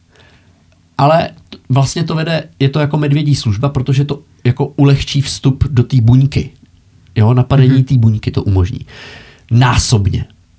A to, tahle, tahle, tohleto, tohleto, tohleto místo v tom viru u žádných jiných SARS-like takzvaně mm-hmm. příbuzných koronavirů jsme nikdy nepozorovali. A taky jsou tam podezřelé sekvence, které se používají při manipulaci genetický. A teď jako to tvrdí ona, uh, nečet jsem to od nikoho jiného, že by tam tohle našel, takže jako nevím. Ale pak jsou jako další takový zvláštní věci. Jo. Prostě Jako promiň, ona No, není, když ano. ten covid je tak známá, nebo SARS-CoV-2 je tak hmm. známá, zná, známý virus.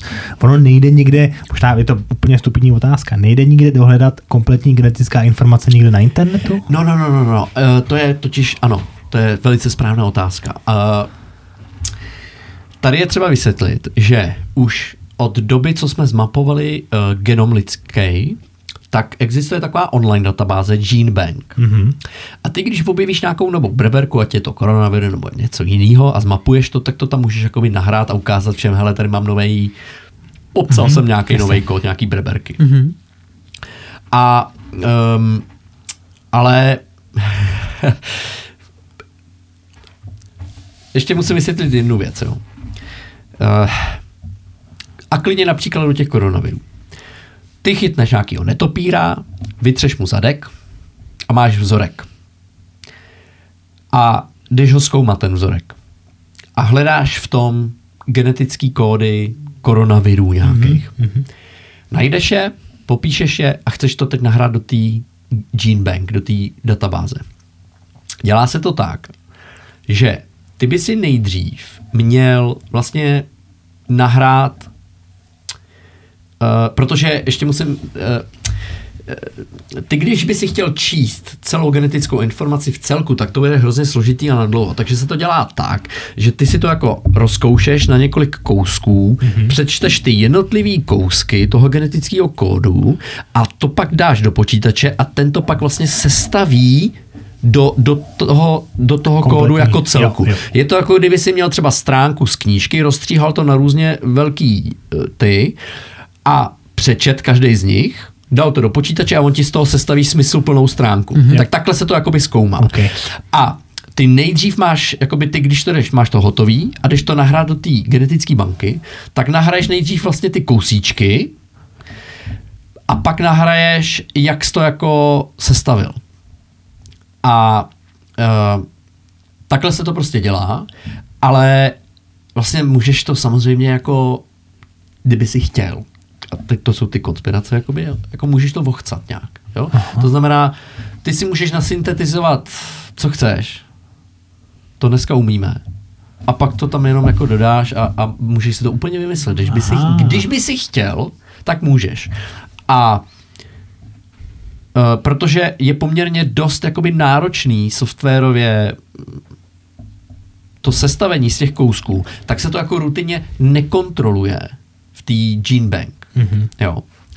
A já teď nevím, jakého, nevím jak SARS-CoV-2, jo, e, a nečet jsem to jako od žádného jiného mm-hmm. autora, takže třeba to je jako bullshit, že tam našla tady tyhle ty sekvence, jo. Mm-hmm. Ale e, kdo ví, jo, taky je možný, že tam třeba na začátku byly, ale jak to začalo mutovat, tak tyhle ty místa Jasně. prostě zmutovaly a už vypadají jinak, jo. Uh, ale jsou jako další věci, které jsou divné, jo. Takže třeba je tohle to úplný bullshit, ale jo.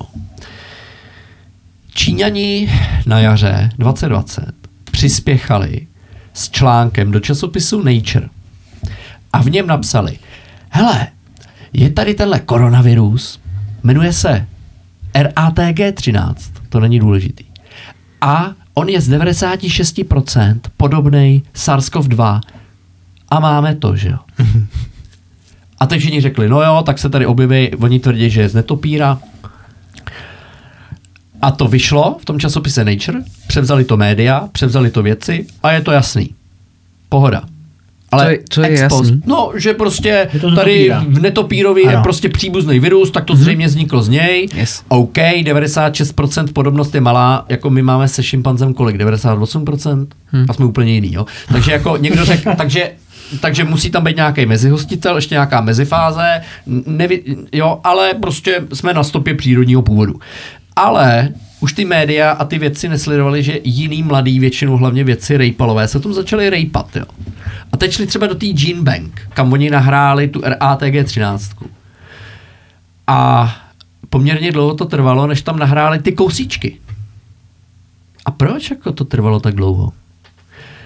A hele, ukažte nám vzorek na tkáňových kulturách. My se na to chceme podívat. No, my jsme toho vzorku neměli, řekli Číňani, my jsme ho neměli vlastně dostatek na to, aby jsme mohli i kultivovat. Cože, kámo? Hmm. Jako cože? Hm, tak nevadí, no. Tak se koukneme na ty kousíčky. A ty, te, když vytřeš zadek tomu netopírovi, a oni teda tvrdí, že tohle to bylo z výtěru zadku nějakého netopíra, tak tam nenajdeš jenom ten koronavir, ale tam najdeš spoustu bakterií, které žijou ve střevě a jejich hmm. genetický kód. A těch je tam hrozně málo v tom vzorku. Mnohem míň, než normálně u výtěru bývá. Prostě spousta divných věcí. Jako jo. Uh, stejně tak potom oni řekli, že, že teda zjistili potom později zase druhý objev, že uh, teď nevím, luskouni. Že mezihostitel byl mm-hmm. asi luskoun. Mm-hmm. Jo, že tam je vlastně, a že to asi se skřížilo s tím RATG A 13. to je kdo luskou? To je zvíře. No to vím, ale jako, No jakože v Luskounovi prostě jako nějaký... netopíra nebo něco tady, nebo něco No, že prostě RAT, jako ta, teďkon ta teorie Aha. je, jakoby, že RATG 13 z netopíra se dostala do Luskouna, ve kterým se to skřížilo s Luskounovitým nějakým Dej tam luskou, luskouna, no, ať, ať máme před, představ. A teďkon, jo, vyšly články, že teda koronavir z Luskouna. Aha. OK, fajn. A zase vyšlo to a je jasno. Jenomže zase se v tom někdo začal rejpat. A řekl, u jakých Luskounů to ty Číňani vlastně tenkrát našli? Jo, to byl nějaký pašerák, který pašoval nějaký vzácný zvířata, mezi nimi i luskouny, zadrželi ho čínský úřady a někdo vyšetřil tady pár těch luskounů, který tam měl a v nich našel tenhle ten koronavir. Nikdo nevyšetřil toho týpka, což je dost nestandardní. A tady jiní vědci proskoumali a osemplovali asi 300 nebo 400 luskounů a žádný z nich to nemá. Jinými slovy, Číňani tvrdějí, že mají dva koronaviry, ze kterých to jako mohlo vzniknout, ale jediný důkaz o jejich existenci, o existenci těchto těch koronavirů, jsou ty záznamy v té Gene Bank, který jdou sfalšovat, když bys chtěl. Nikdo doposud, nikdo je nenašel u živého zvířete. Ani jeden z těch dvou, ze kterých to mělo vzniknout. Tak Takže jsou, se to nedá ověřit zpětně potom ještě. no jako Takže pokud Prostě- to vzniklo z nějakých dvou různých Může to virů, tak být. tak ty viry přece nevymizí jen tak, že se to udělá na jaře 2020 Je- je to a pak, prostě- pak vymizí. je to prostě divný. Je to Hele, a divný. kdyby, uh, kdyby to tak skutečně bylo, Že jak co? říkáš, že by to teda byl umělej vir, Jasně. který by jim utek omylem, Ano, ano, myslím si, že to tak bylo. tak uh, nebylo by pro tu Čínu Ano. jednodušší říct, hele, tady je takováhle věc, Posrali jsme to. posrali jsme to, pojďme to jako vyřešit. No. Totalitní stát Černobyl, vzpomínáte? Zatloukat, zatloukat, zatloukat. Totalitní z praktiky, totalitní stát. Naprostá klasika. Plus si myslím, že to bylo nějak takhle, kdybych si měl vsadit. Třeba to tak vůbec nebylo, třeba je to přírodní, bla, bla, bla. Já si myslím, že to bylo nějak takhle. Ono jim to omylem uteklo z laborky a teď se to začalo šířit. Ono to chvilku trvá, než si všimneš, že prostě přibývá nějakých pacientů někde s divným zápalem plic. Mm-hmm. Takže se to nějak to běželo, ta infekce trvalo, než, se, než si to uvědomili v tom samotném Wuhanu. Pak trvalo, než se to dostalo k politbyru. A ve chvíli, kdy se to dostalo k politbyru, tak oni řekli, zavolali se experty a řekli, co se s tím dá dělat? Uh, zabráníme pandemii? A oni řekli, no teď už jsme to prošvihli a pandemii už jako asi nezabráníme. Pokud to má pandemický potenciál, vypadá to, že jo, tak prostě pandemie bude. Dobrý, co tam máme v šuplíku za scénář? Vytáhli scénář a tam bylo skoupit všechny ochranné pomůcky v Evropě, vyvést je k nám do země a prostě jeli. A jeli podle scénáře, podle mě. Vzpomínáte si možná, že v březnu 2020 bezpečnostní uh, informační služba naše dala vládě na stůl report, že čínský agenti v naší zemi skupují ochranné pomůcky a vyvážejí je ze země. Polská rozvědka dala dokonce prej, psali to novináři nějaký, nemusí to být pravda, polská rozvědka dala svý polský vládě první týden v lednu na stůl. Hele bacha, je tady jako koronavir, Wuhan, epidemie. V květnu 21 americké tajné služby se nechali slyšet, že během podzimu několik zaměstnanců jedný z těch laborek ve Wuhanu onemocněli covid-like symptomama a byli hospitalizovaní. A pak jsou takový další zajímavé indicie. Uh, například věc, která mě zarazila tenkrát. Já teď nevím, jestli to bylo léto, jaro 2020. Trump, šílenec, magor, že. Trump, který prostě má vždycky plnou hubu keců, ke všemu prostě řekne všechno, machruje, přehání, promenáduje se prostě tamhle s atomovým kufříkem, že jo, prostě je z toho skandál, prostě úplný šílenec, jako. A na tiskovce se ho zeptali, pane prezidente, a o co opíráte informaci, že to jako uteklo Číňanům z laborky? A on jim na tohle Trump, který normálně by hned všechno rozmáznul šíleně, protože je to prostě magor, řekl, k tomu vám nemůžu nic říct, k tomu nejsem oprávněný. Si říkám, cože? Já jsem to koukal, říkám si, co? Trump na tohle řekl tohle? Tady něco je, tady jako něco nehraje, jako, tady, jako to je serious, jo. No a další důvod, proč si myslím, že to nemohli přiznat, a ty jsi to psal v jednom tom článku, protože by všechny ty země nebo celý svět pod nich mohl chtít nějakou náhradu, že? No jasně. Ať už finanční No nebo jasně. nějakou jako kompenzaci. A mimochodem, mimochodem, uh, uh, uh, jako není to tak dávno, co na Facebooku vypnuli vlastně jakoby embargo na tohle téma. A Na který nemá přesně? jako únik, že to byl únik z laborky. Prostě to, když napsal, tak ti to zablokovali. Mhm. A vymazali tě. Jo? Hmm. Uh, a já teď nevím, jestli to byl květen 2021, prostě pak to jako Zuckerberg vypnul a řekl, dobrý, už se můžete na Facebooku bavit o tom, že to třeba možná uteklo z laborky. Já osobně si myslím, že v obě dvě ty velmoci, jak ta Čína, tak ty Spojené státy, měly ze začátku zájem o tom, aby se o tom jako nemluvilo. Protože ono se teď ukazuje, a řeší to v americkém senátu, vyšetřují to a vypadá to jako na megaprůser, tak Spojené státy jako spolufinancovali ve velkým ten výzkum v tom Wuhanu. I tady ten nebezpečný myšleno, ten, kde šroubuješ ty, gain ten gain, source. ga- gain of function Gain of research. function, Jo. mhm. A další věci, hele, utekly a to už teď vůbec jako nikdo neřeší, jo? to je taky mimochodem zajímavý. My tady prostě jako řešíme, že tamhle nějaký politik prostě má nějakou stáž ve Spojených státech, no to je, to je, to je skandál, to prostě to je, to tady, rozumíš, to prostě, jo, to, že nejsou dostavený dálnice a že tady možná Čína způsobila pandemii, to není důležitý, důležitý prostě, jo, jsou tady jiné věci hmm. prostě, jo, že se někdo eh, čaškuje tamhle v parlamentu, to, to, to nás zajímá, jo. Nevadí, dobrý. Uh, uh, Uh, ukázalo se, uh, za Obamovy administrativy se zakázal tady ten gain of function research on American soil, prostě na americký půdě se to nesmělo dělat a prostě se teď ukazuje, že oni to přenesli, to financování tohohle výzkumu do Wuhanu, ty američani. Uh, utekly e-maily třeba Fauciho. Byly zveřejněny e-maily, nebo neutekly, možná byly získaný jako na práva na informace. Máme dneska e-maily Fauciho. A, když, a to si může kdokoliv přečíst. kdo je Fauci? Jo, No to je ten, Už to, se o tom to- bavili.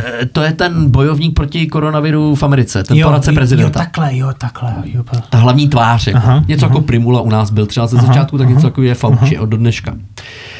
Mimochodem je nesmírně dobře placený, možná i líp jak prezident Spojených států, má jako, jako nějaký šíleně pohádkový plát ten člověk, jako jo, a už je mu snad možná i přes 80 nebo přes 70 a, a už hrozně dlouho je ve své funkci, hele, no prostě to je zajímavý týpek. jo. Takzvaná žába na prameni. No, velk, velká žába. A, a velká a chytrá žába. Na velkým pramení. Na velkým prameni. Na velkým prameni, jo. A uh, takže, ty maily, no. když si přečteš ty maily, Aha. tak zjistíš, že na jaře 2020 tenhle ten týpek, Fauci, o kterém dneska už víme, že byl jeden z těch, který umožnil financování toho výzkumu v tom Wuhanu, tak si tenkrát psal s, s různýma, jakoby s několika předníma vědcema.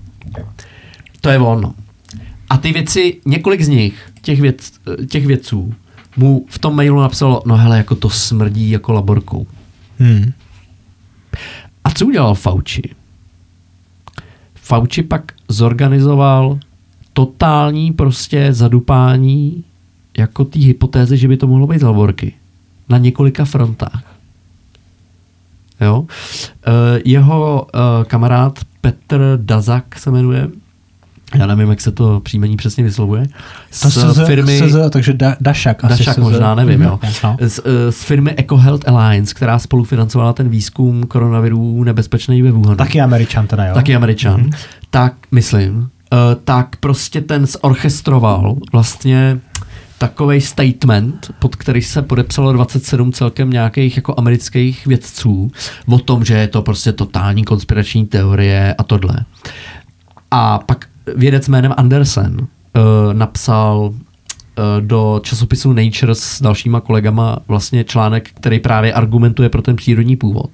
A přitom Fauci mu psal jako, hele, ty jako nevím, smrdí to laborkou. A říkáš si, jako, co se tady hraje za hru, kluci? Hmm, jako. hmm, hmm. Takže já si prostě myslím, že se stalo to, že ať už to mysleli dobře, nebo to nemysleli dobře, nevím, prostě spolufinancovali nebezpečný výzkum v Číně.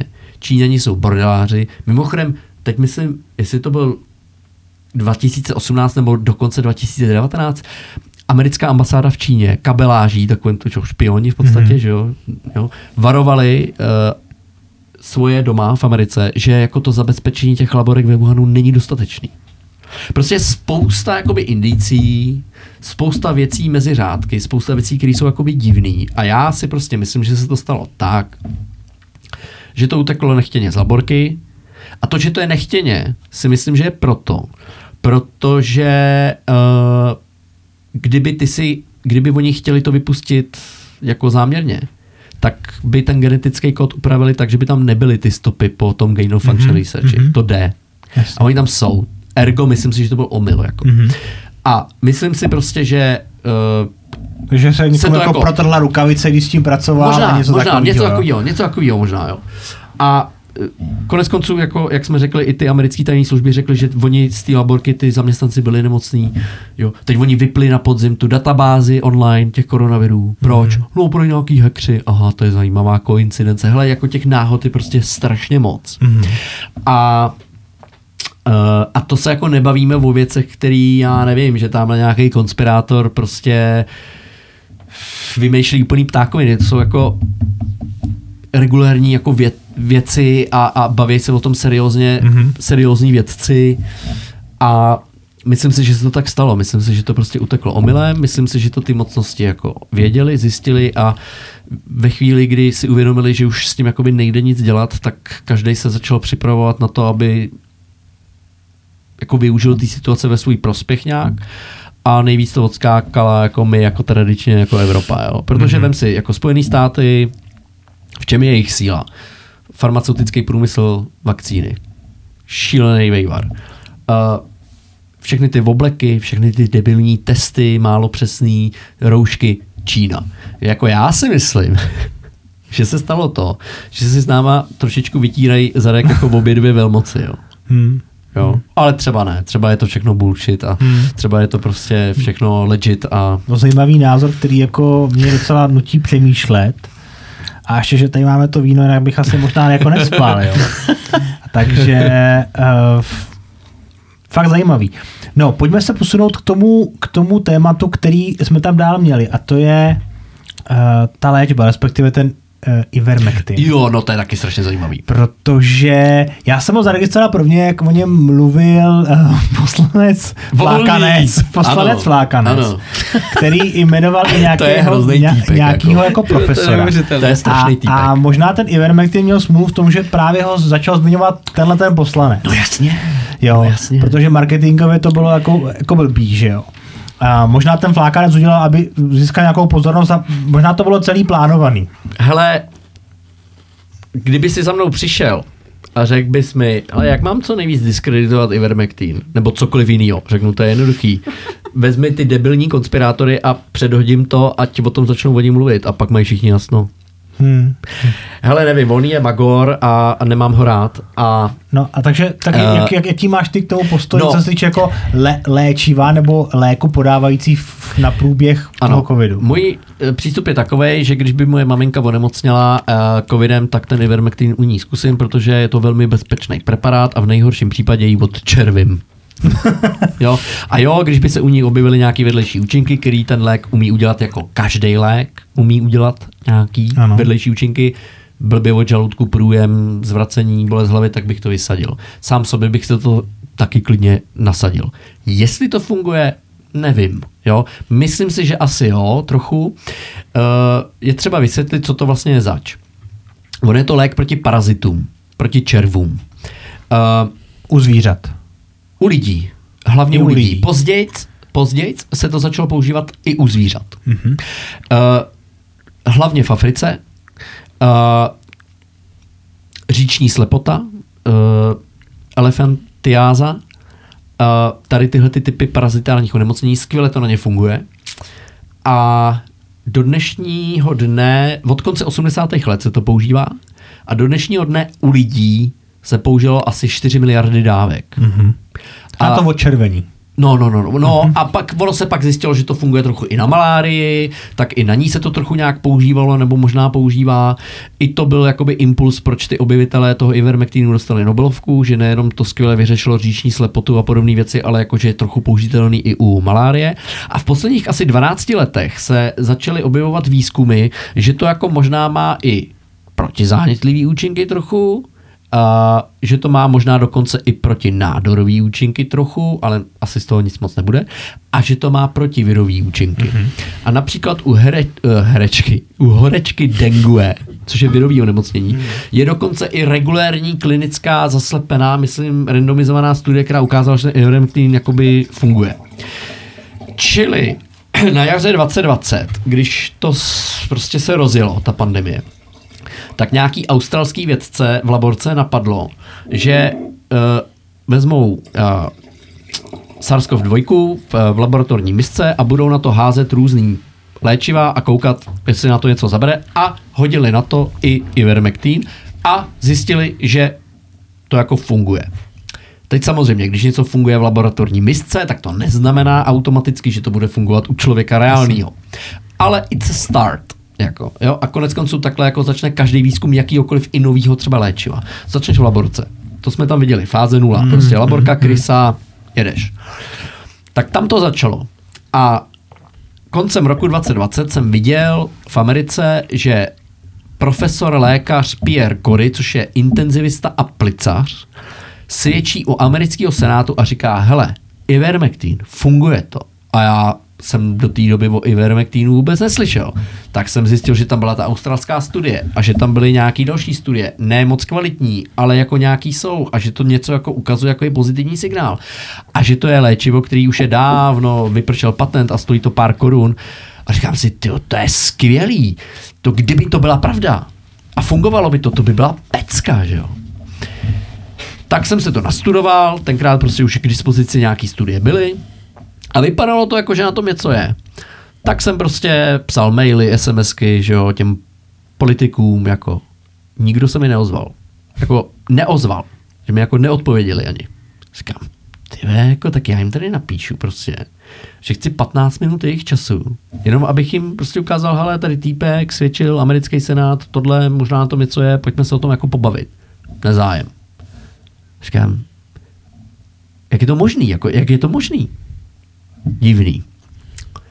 A pak se mnou chtěl rozhovor i dnes. A já jsem řekl, Babišovo médium, dám, pokud si tam můžu na konci říct, co chci. Byli musím říct profi, jako oni řekli, tu si tam říkají to, co chcete celou dobu, jako říkám, super.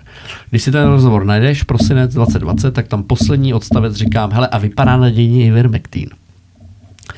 A na jaře 21 o tom začali psát novinky, což je právo, že jo? Mm-hmm. Protože ten šéf redaktor má uh, známý v Texasu lékaře, který mu jako o tom řekli, mm-hmm.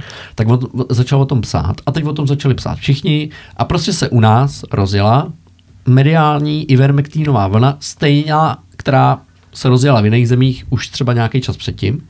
A najednou vidím pana profesora Válka, dnešního ministra zdravotnictví, jak najednou se probouzí a najednou je v parlamentu u pultíku a říká, no já nevím ten ivermektin a ty vedlejší účinky, že jo, to je prostě nebezpečný a tohle. A já si říkám, kámo, cože?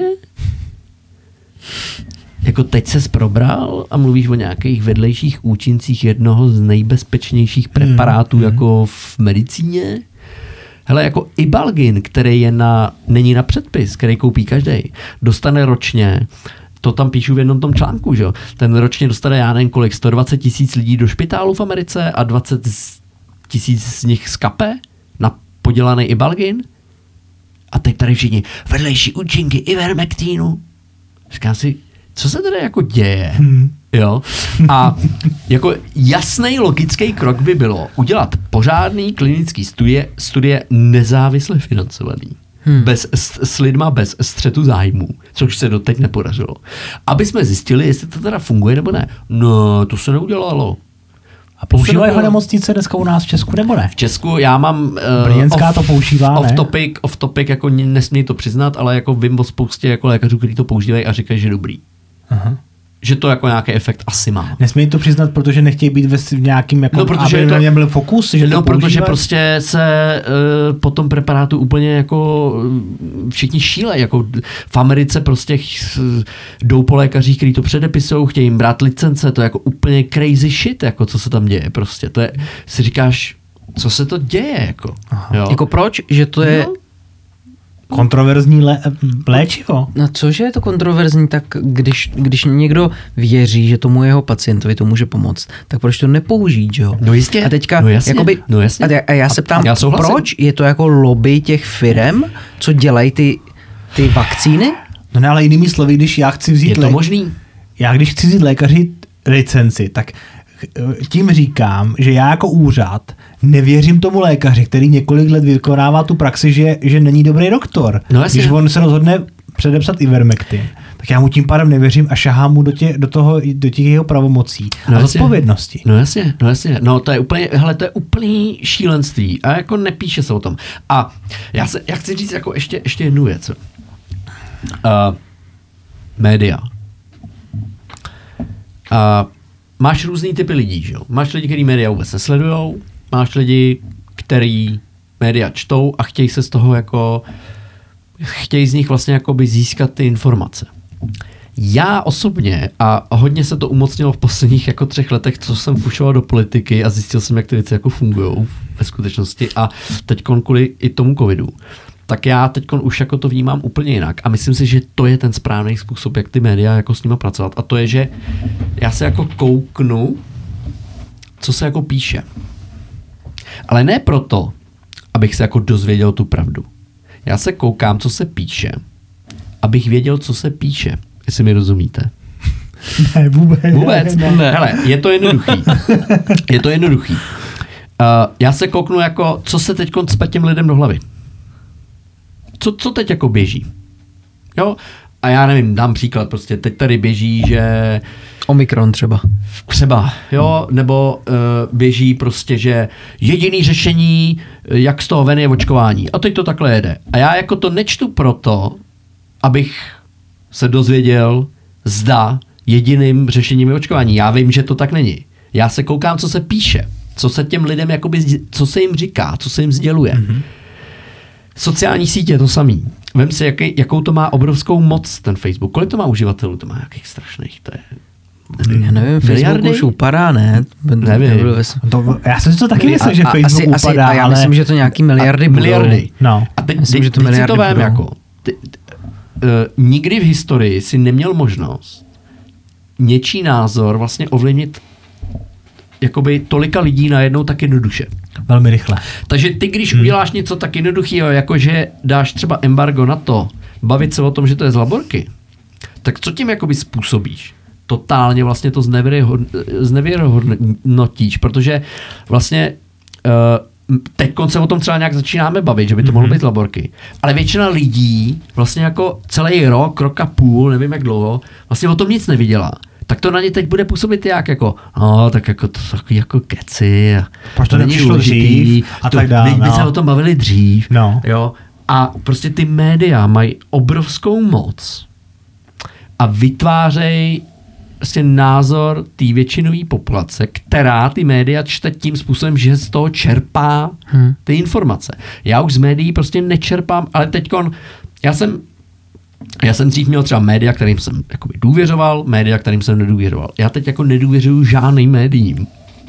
Jakoby, jakoby, ale jako ne, ne, to neznamená, že jako píšou furt nějaký lži nebo furt, mm-hmm. ne, ale prostě jsem s tím jako strašně opatrný a spíš se tak jako kouknu, jo, dobrý, tenhle ten narrativ se teď šíří, mm-hmm. fajn. Jako, jo. A pak jsou takové věci, které zase jako nemusí nic znamenat, ale říkáš si, ano, tak jako ten, kdo je tady v představenstvu to agentury Reuters, je i v představenstvu f- jo. Hmm. To já jsem slyšel takový zajímavý for. Všichni jsme si mysleli, že nejlepší subscription model má Netflix a Spotify a pak přišel Pfizer. Jo. no hele, velmi úspěšný teda. Jo. jo a teďkon prostě já, teďkon jako, jsou ty studie, třeba s tím Ivermectinem, a teď to čteš a, a studuješ to jako podrobně a koukneš se na nějakou tu studii, která teda výjimečně ukazuje, že to nefunguje, tak se koukneš, sponzorovaný f- tenhle ten autor byl taky dřív sponzorovaný f- tenhle taky, tenhle taky, tenhle taky. Zase, jasně, může to být náhoda, že? jo? Jasně. Ale je to divný, že jo? Že to tam vždycky najdeš. Nebo často to tam najdeš. Hmm. Nebo třeba, uh, teď jedna studie jakoby byla dělaná taková, že vypadá celkem jakoby solidně a zjistila teda, že jako čím vyšší dávku si dáš ivermektínu, tím rychleji se jako zbavíš jakoby množství toho viru v sobě, ale nevyšlo to statisticky signifikantně, to je to, jak jsme si říkali. Po těch Jako- 9%? ale oni Pět. to 5, 5. no, nad 5%, Aha, ale oni to ukončili předčasně. To je jedna ze z klasických fint, jo. aha. Jako ty, když máš uh, něco, o čem si, akorát teď je to jako naopak, to je totiž, to, to je na tomto crazy. Hele, když budeš jako zlá farmaceutická firma zákeřná, jo, a budeš mít nějaký preparát, o kterém vlastně si myslíš, že vlastně nefunguje, jo, tak nějak jako rozjedeš studii a teď ono ti to jako začne vycházet, tak to rychle utneš a řekneš, hele, ono to vychází. Mhm. A utnul jsi to dřív. Aha. Nebo, A to můžeš nedodělat ten výzkum? no, když si to jako obhájíš, Aha. jako jsou způsoby, jak to zvládnout. Jo? A často ty lidi, kteří dělají v těch regulačních úřadech, kteří tohle to hlídají, tak jsou s nima kamarádi často, často je na ně vyvíjený na tyhle ty lidi, na ty úředníky, nebo úředníky, na tyhle ty regulátory jako velký tlak, protože to je, to je nová medicína, která bude tady zachraňovat životy, to je skval to, že jo. Jo, no já tam mám nějaký pochybnosti. Prosím, já poch... Jo, je na ně velký tlak, to není jako jednoduchá a vdě, vděčná práce. A pak taky často, když tyhle ty lidi skončí s touhletou prací, tak jdou makat kam, že jo. Hmm. Jo? Čili jako ta regulace v léčivech nám úplně moc nejde, ale tak jako to se ví jako dlouhodobě. Jo? Jenom jako lidi to nevědějí, lajci to nevědějí. Jo? No, teď už a budou. často i, Teď už budou. možná, a často i lékaři to jako nevědějí. Jo? Prostě, prostě A to je strašný, jako to je, jak si, vždycky se mi vybaví prostě jako uh, senátor Kubera, který prostě říkal, já nevím, jestli v tomhle prostředí chci žít, protože vlastně my jsme se vždycky odkazovali dobře, byly, byly tady nadpisech, uh, vědci zjistili a nebyla tam zmínka té studie, tak No, většinou vždycky já se snažím tu studii najít, nebo i tady v tom, v tom podcastu radíme, jak si ty studii najdete, je fakt, že si ji pročtěte, ale ve chvíli, kdy já nevím, jestli ta studie byla relevantní, jestli byla správně a jestli jí můžu věřit, tak v- já se asi rozkočí hlava z toho. No, je to, je to na palici. Jako ten svět je prostě složitý, no. Není A to, to jednoduchý. teďka vlastně a... A- částečně, ty jsi lékař, máš, a, a co mám dělat já?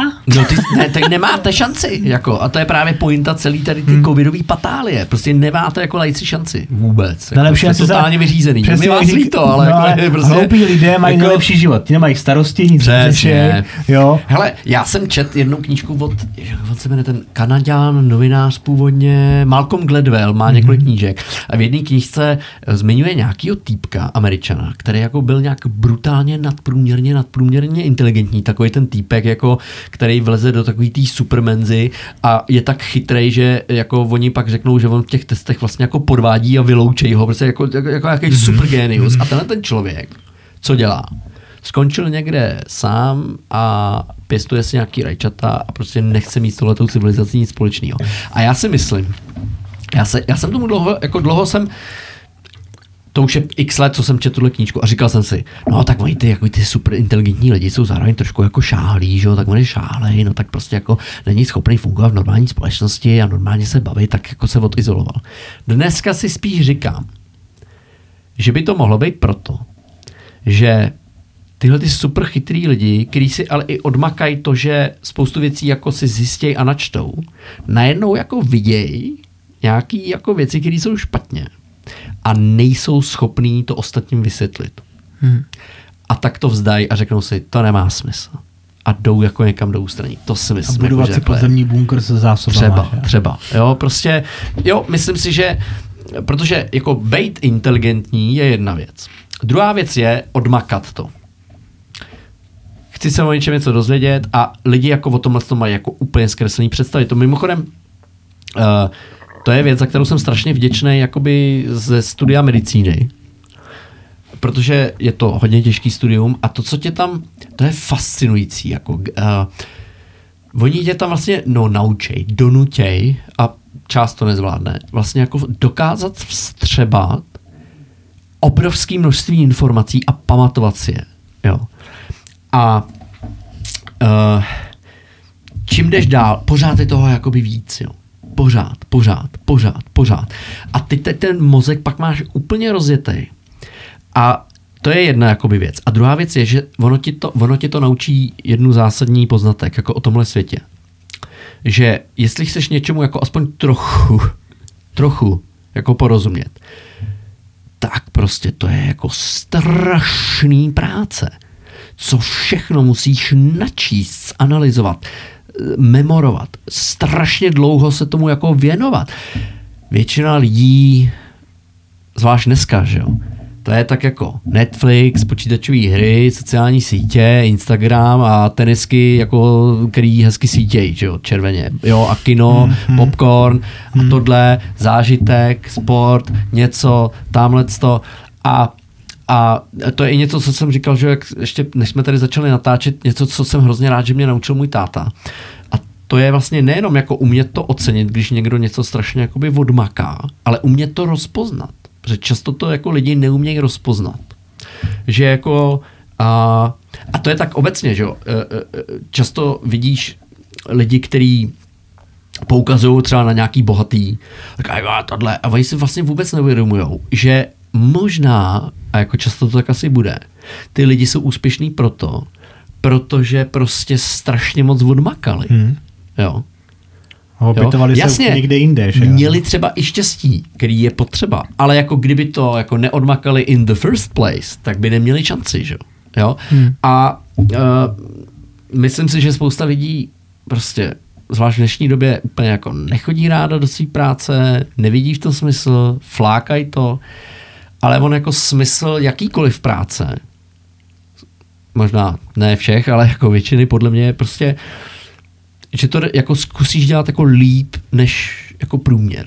Jo? Hmm. A fakt prostě se do toho ponoříš a snažíš se a, a, a děláš na tom. A to samé, když se chceš jako o něčem dozvědět třeba o covidu. Jako uh, hrozně jednoduchý něco schodit. Jako. Hmm. Jo, Protože tady, na to nepotřebuješ mít žádnou znalost, že jo? Na jo, tady Rajt něco tvrdí, dezinformáta prostě, ale jakoby ty lidi vůbec jako netušej prostě a já neříkám, že všechno, co říkáme jako o covidu nebo hmm. o čemkoliv jiným je správně, ale jako vím, že jsem si to odmakal, jako. Hmm. Jo? Um, a to, to, to, to, je to jako základ, když prostě chceš o čemkoliv nějak. To je a já hlavně taky, uh, já si myslím, že ten covid jako odkryl dva problémy, kterými jako společnost máme, jo, velký. Jeden ten problém je, že jsme úplně jako vytěsnili ze svého života a ze své kultury a ze svého povědomí smrt. Prostě jediný, jak my se setkáváme se smrtí, je ve filmu, že jo, třeba, nebo v počítačové hře, to je všechno. Už ani to náboženství tolik jako mi nefrčí, že jo, dřív lidi chodili mm. do mhm. kostela, tam se o tom třeba nějak trošku jako bavili. Jo? Takže když se jako najednou objeví nějaká taková hrozba, kdy si lidi vlastně najednou uvědomějí, že můžou zemřít, jo? tak propadnou jako to brutální míře strachu a panice.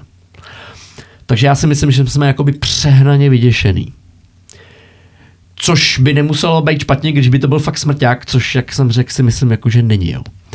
A pak, uh, uh, pak ta druhá věc, je, že já, když jsem byl v té topce, tak já jsem si myslel, že vstupuju do pravicový, převážně spíš konzervativní, konzervativně liberální, jak v čem, strany. A řeknu jako jedne, jednu, jeden můj zážitek, který jako mám to celý jakoby popíše. My jsme měli nějakou stranickou schůzi v té buňce, ve které jsem byl členem a teď se řešila doprava, o který já nevím vůbec nic. Jako. Takže jsem poslouchal. A teď tam byl jeden tábor, ten tam prostě bouchal do stolu a říkal, ne, prostě to poškozuje planetu, když prostě jezdíš autem na spalovací motor a prostě když to jenom trochu jde, tak prostě chodíš buď pěšky, městskou hromadnou dopravou, nebo máš jezdit na kole a teď ta druhá strana se ozvala, no to na to ti seru, já prostě jezdím autem, protože tohle a tamhle to a tak to má být. A já jsem je takhle poslouchal asi 20 minut a pak jsem se přihlásil a říkám, já, pánové a dámy, nevím o dopravě vůbec nic. Ale myslel jsem si, že jsme jako v pravicové straně. A to pro mě znamená to, že já nevím, co je nejlepší. A já to nechám na těch lidech. Ježdě, je, jízda na kole MHD, je to legální? Je. Spalovací motor, auta, je to legální? Je. Tak ať si každý dělá, co chce, ty. Teď o tom je pravicová politika. A oni na mě koukali jako na úplného magora. Jo. A já mám takový jako dojem, že celou naší západní civilizaci ovládnul tady tenhle ten, nebo převládnul jakoby, tady takový nějaký jako takový přístup k životu nebo přesvědčení a ty lidi to nikdy nepřiznají mimochodem. Jako to, prostě ty se řeknou, no to není pravda. Že jako vymýšlej, co je jako pro ostatní vlastně pro všechny jako to správný. Co je to dobrý. Jo? Ty regulace a tohle a takhle je to správně. Jo? A to se projevuje v tom covidu hrozně.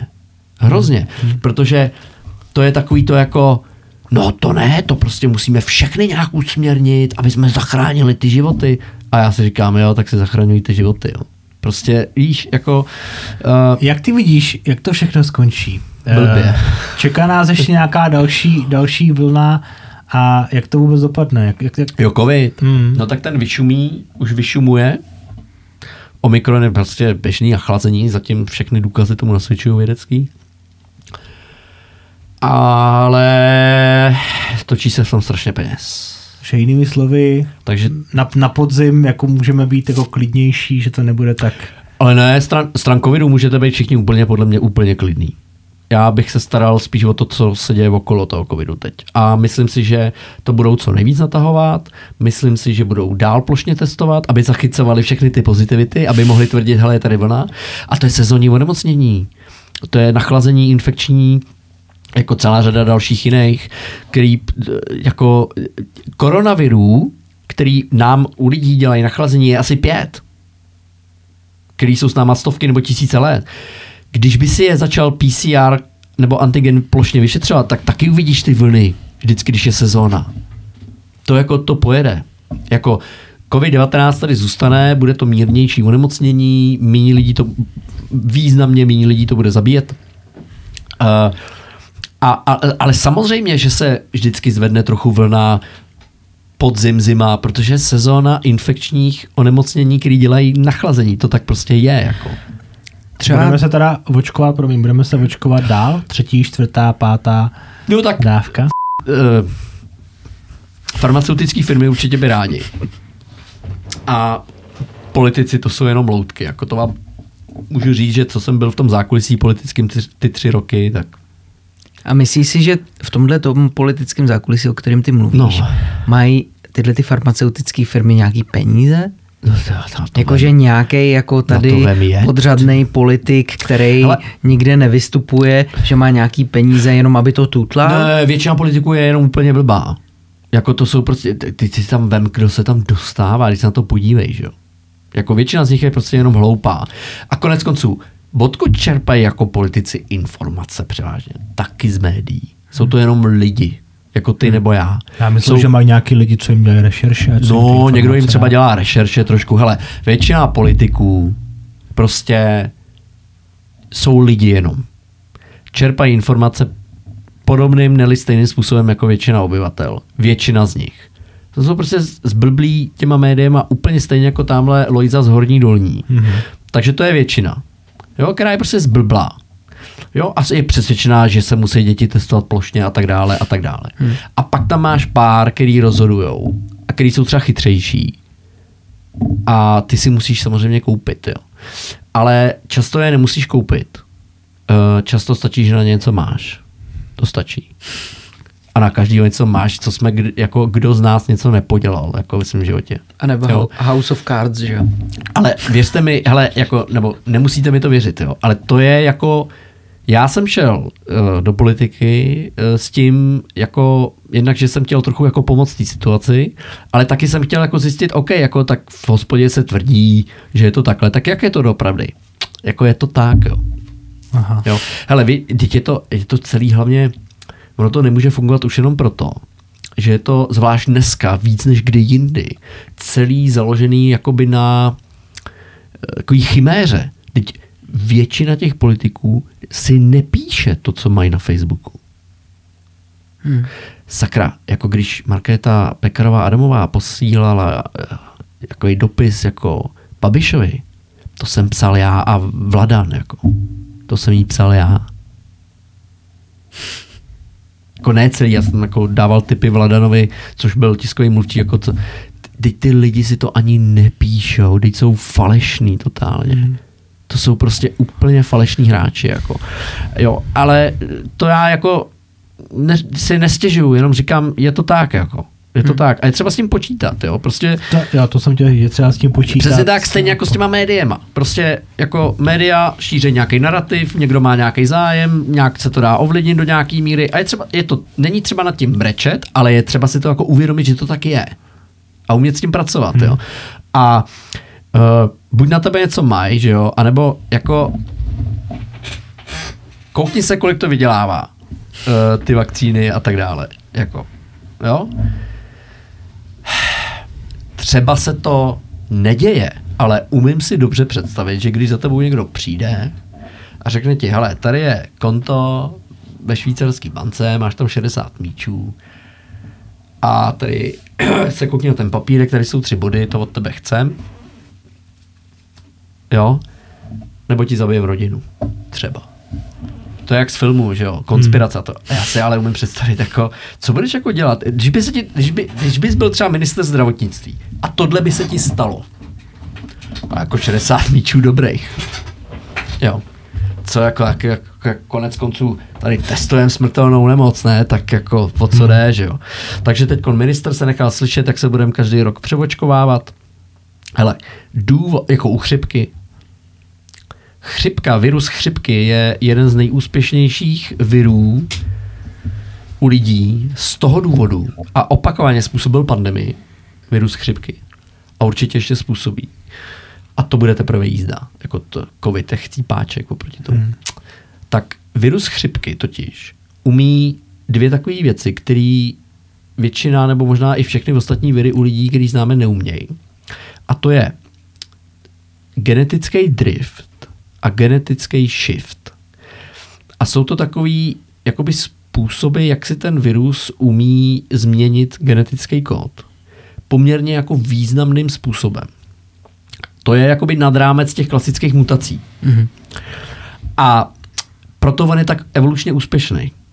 Protože proběhne jedna sezóna chřipky a ty si vybuduješ, ty to chytneš a vybuduješ si imunitu proti tady nějaký téhle variantě chřipkového viru. A příští rok se ten virus chřipky může, ne vždycky, jo, ale může se změnit do takové míry, že vlastně ta původní imunita tvoje proti tomu nebude fungovat. Hmm. A zase to chytneš. V tom on je hrozně jakoby vychytaný. Proto se dělá to, že my každý rok, každou sezónu sledujeme uh, ten virus chřipky, která ta varianta převládá. A proti té konkrétní variantě se vyrobějí vakcíny. A čím více ta varianta liší od té, co byla v předešlé sezóně, tím spíš se vyplatí nechat se navočkovat, pokud jsi třeba rizikový ten. Ale tohle to koronaviry neumějí. Prostě to mutuje úplně jako normálním základním způsobem. Jo. Takže tady nějaký převočkovávání každý rok, jo. To je prostě úplná blbost ty varianty britská, delta, to, to jsou tak jemný, jemňoučký jakoby rozdíly. E, konec konců ukázali jsme si, že tam žádný spike v úmrtích jako nebyl. Jo. A ty lidi, kteří to prodělali, zvládají všechny ty varianty. Že jo. E, dokonce i to očkování, který je značně nedokonalý, tak i proti tomu Omikronu malilinko funguje, přestože je velmi jako jiný. Tady nějaký jako pravidelný očkování jako každý rok, to je prostě, to nedává smysl. OK, u nějakých jako super ohrožených můžeme se o tom jako bavit a i tak bych to nechal jako na dobrovolné bázi, jako je to u chřipky. Ale já si myslím, že tady jakoby čím dál tím víc a víc jasný, jako o co tady ve skutečnosti jde, jako zdraví to jako rozhodně není. Jo. Hmm. Já si- Nevím, jaký vy z toho máte pocit, jo, No, ale no, tak samozřejmě tady pod, v rozhovoru s tebou úplně jiný, než jsem čekal. Nicméně eh, přikláním se k tomu, eh, viděl jsem, nevím, jestli to byl vstup v televizních novinách nebo nějaký rozhovor s Ludvíkem, s šéfem Motola, který řekl, že oni se ptají na ty věci, jak berou ty pacienty, jak mají volno. On říká, máme neustále volno, bereme pacienty, můžeme, můžete se na nás obrátit. Pak se ptají na tu situaci s tím koronavirem a on, on jim řekl větu, kterou já asi nezapomenu. Já můžu říct, že ten viru, virus je nejsilnější v jedné věci a to je v marketingu. jo. Jo. perfektní práce to je jako. To jo. jako Jo. A já opravdu nepatřím k těm lidem, kteří si myslí, že jako někde u nějakého mahagonového stolu sedí pět lidí a jeden z nich je Bill Gates a před deseti lety si řekli, hele, 2020, spustíme pandemii. Jo. Jako, to si myslím, že takhle to nefunguje. Ale i tím, jako jak dělám v té soukromé sféře, pronikám do toho, jak se dělá ten biznis a takhle. Zvlášť tady v tomhle odvětví. Uh, zvlášť jako a sleduju i konkurenci a tak. Tak si jako nedělám iluze v tom, že se to stalo a spousta entit jako toho dokázala brutálně způsobem využít. Jo. A jakoby to šíření toho jednoho jediného správného narrativu, to je jako strašně nebezpečný. Mimochodem, já mám takovou jako uh, vlastní konspirační teorii, kterou jsem si vymyslel spíš jako ze srandy. Takže jako prostě jenom mě to jako napadlo a jen tak ze srandy jsem si s tou myšlenkou hrál. A je to přesný opak jakýkoliv jiný konspirační teorie jako covidový. Jo? Tuhle jste ještě jako neslyšeli.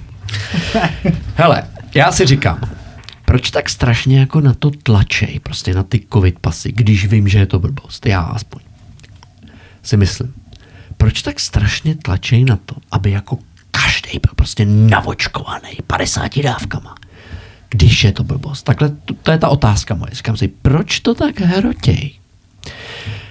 A začínám si skoro říkat, jestli to není tak, že to jako myslej opravdu, že, že tam jako, že to myslej dobře, ale nemůžou nám to jako úplně říct, protože by byla strašná panika. Co by to jako mohlo být?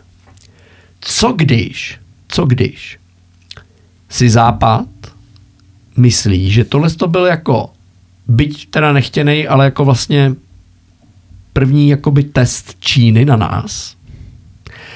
A my teď musíme vybudovat účinnou obranu, kdyby vypustili skutečný smrťák. A k tomu je veškerá ta logistika a ten narrativ. Když, když ty lidi na to připravíš.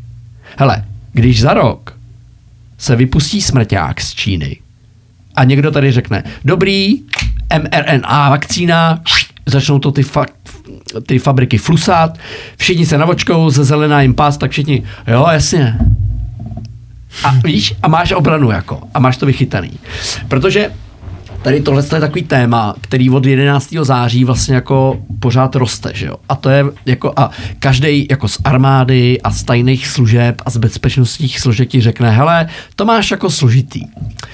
Když jako neděláš nic a necháš těm lidem tu svobodu a ty jejich práva, tak prostě máš chaos, bordel, teroristický útoky a lidi si stěžují, že není dost bezpečno. No a když teda začneš všechny sledovat skrz mobilní telefony, Aby bylo bezpečno. aby bylo bezpečno, tak si tady Reich a další začnou stěžovat, že jako jsou pod velkým surveillancem, že, jim, že jim jsou omezované svobody a práva. To máš prostě těžký, jako. Jo? A teď jako, co ta společnost teda chce? Možná, možná, a protože ty teroristické útoky jako ustaly, že jo? Hmm. Protože jako když teď si chceš někde po Facebooku, po e-mailu, po telefonu domluvit, že něco vyvidíš do povětří, tak oni to hned, protože od Snowdena víme, že prostě monitorujou všechno v podstatě. Hmm. Tak, to, tak ti to prostě neprojde, že jo? A všechny ostatní jakoby, způsoby komunikace jsou příliš pomalý, jo? A a tak možná je to prostě tenhle případ. Možná jako tady někdo dělá něco pro naší jako bezpečnost proti Číně, jo, ale nemůže nám to říct, protože to by bylo šílené. Jako představ si, Že by prostě teď jako vystoupil jako prezident Spojených států a řekl by, Čína napadla západ biologickou zbraní, je to prostě první jakoby útok, přijdou další a my do vás teď napademe vakcínu, která vás proti tomu ochrání. Jako. Ne, první, co bude, není e, April. To říká, jak to blbě, počkej si na duben, že jo? Jo, jo, jo. jo. jo. No, tak Takže- nevím, to je taková blbost, která mě napadla, jo. Ok. Okay. Ale jako prostě vidím spoustu věcí, které nedávají úplně smysl. Pak taky se roztrh pytel s těma jako nálepkama typu dezinformátor. Jo. Hmm. To je hrozně vtipný v mém konkrétním případě, protože já, když jsem začal fušovat do politiky, tak jsem uh, se seznámil s týpkem, uh, který se jmenuje Bohumil Kartous, což je mluvčí českých elfů. Bob. Je to můj kamarád dobrý, mám ho rád. Uh, a začal jsem se kamarádit jako s dalšíma lidma, uh, nebudu jmenovat přesně, ale jako z generálního štábu třeba mm-hmm. i. Uh, mám načtenou od Saši Alvarový uh, Průmysl lži, kde ona, tahle ta autorka, vysvětluje, jak východní mocnosti proti západu vedou dezinformační informační válku hybridní. Mám načtenou informační válku od generála Řehky. Mm-hmm. A všichni ti dosvědčej, že po dobu mýho působení v topce v zákulisí jsem tlačil hlavně to, aby se tenhle problém jakoby víc řešil.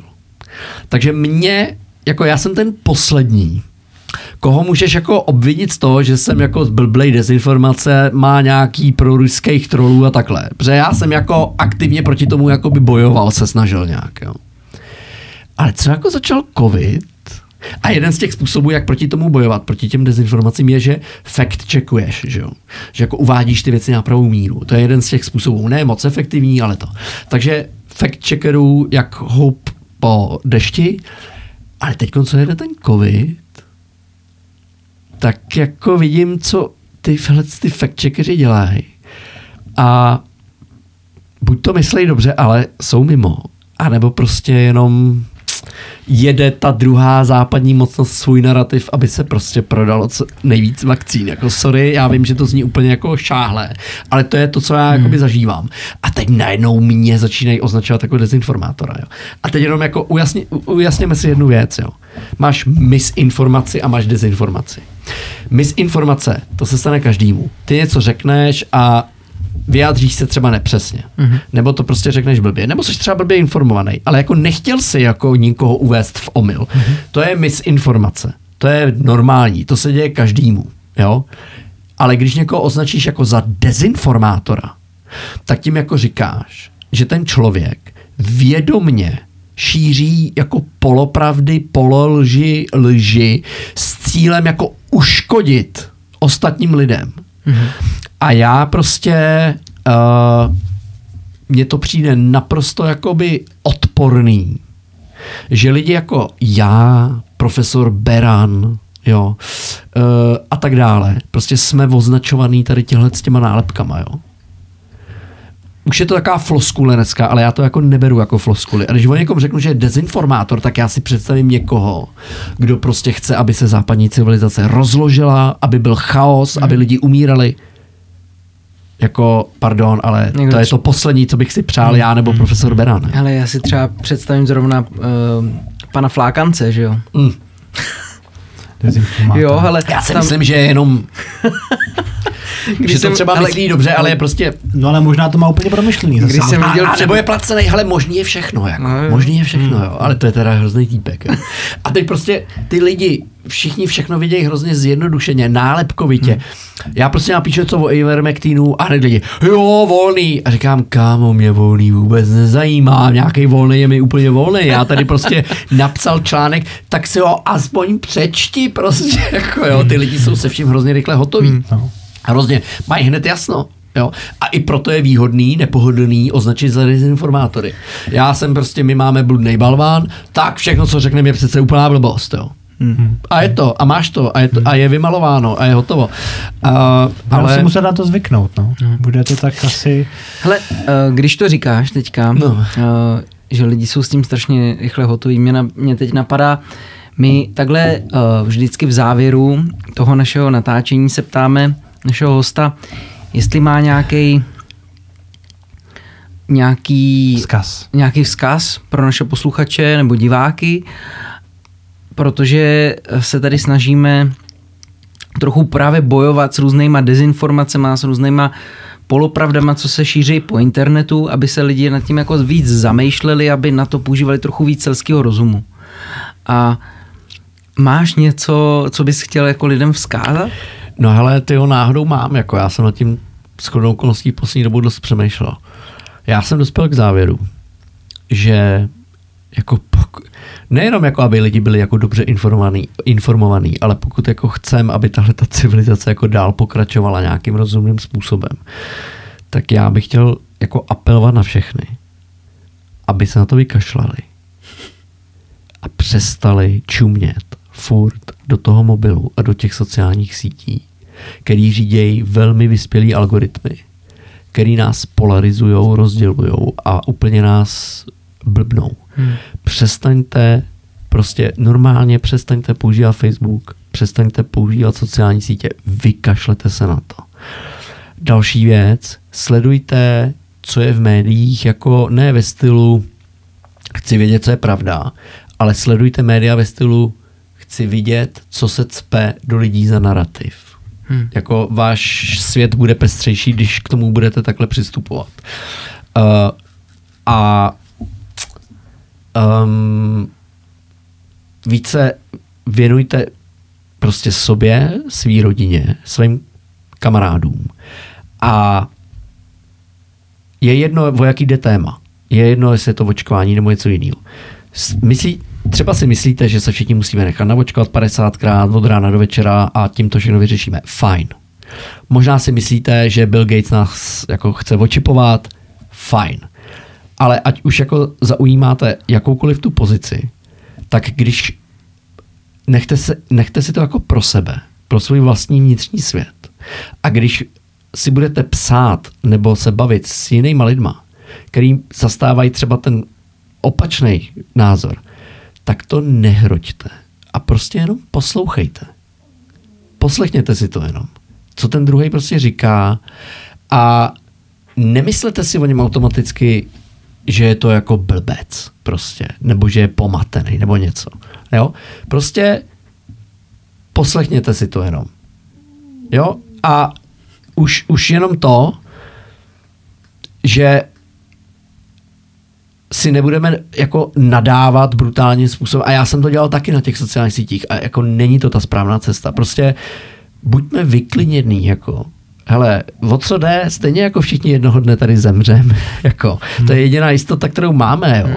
Prostě jsme tady, je to tady strašně zajímavý na tom světě a jako jasně, existuje pár zlých lidí, ale většina lidí jako jsou hodný uh, a někdo je chytrý, někdo není, někdo je vzdělaný, někdo není, ale jako prostě normálně spolu fungujeme.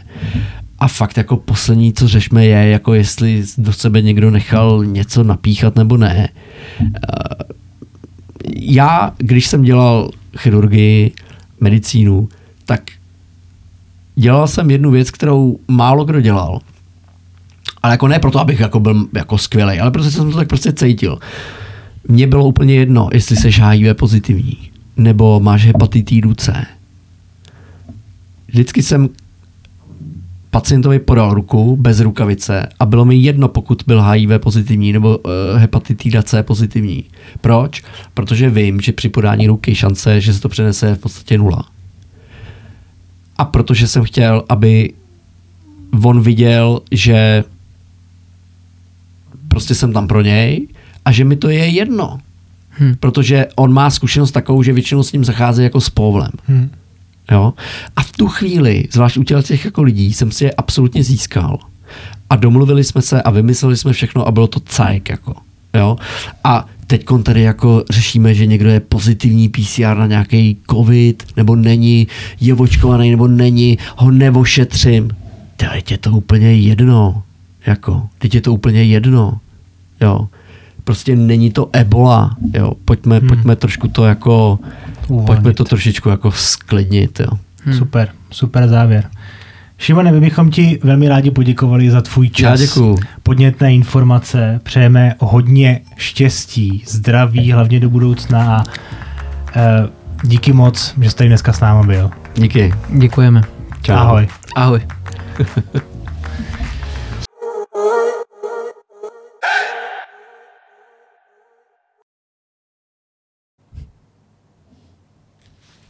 Vy jste ještě tady? Tak na co čekáte? Tohle už je konec, nic dalšího už nebude. Leda, že byste nás chtěli sledovat na Spotify, Apple Podcast nebo na YouTube. Tam taky najdete všechny naše další epizody. Takhle tam vypadá naše logo.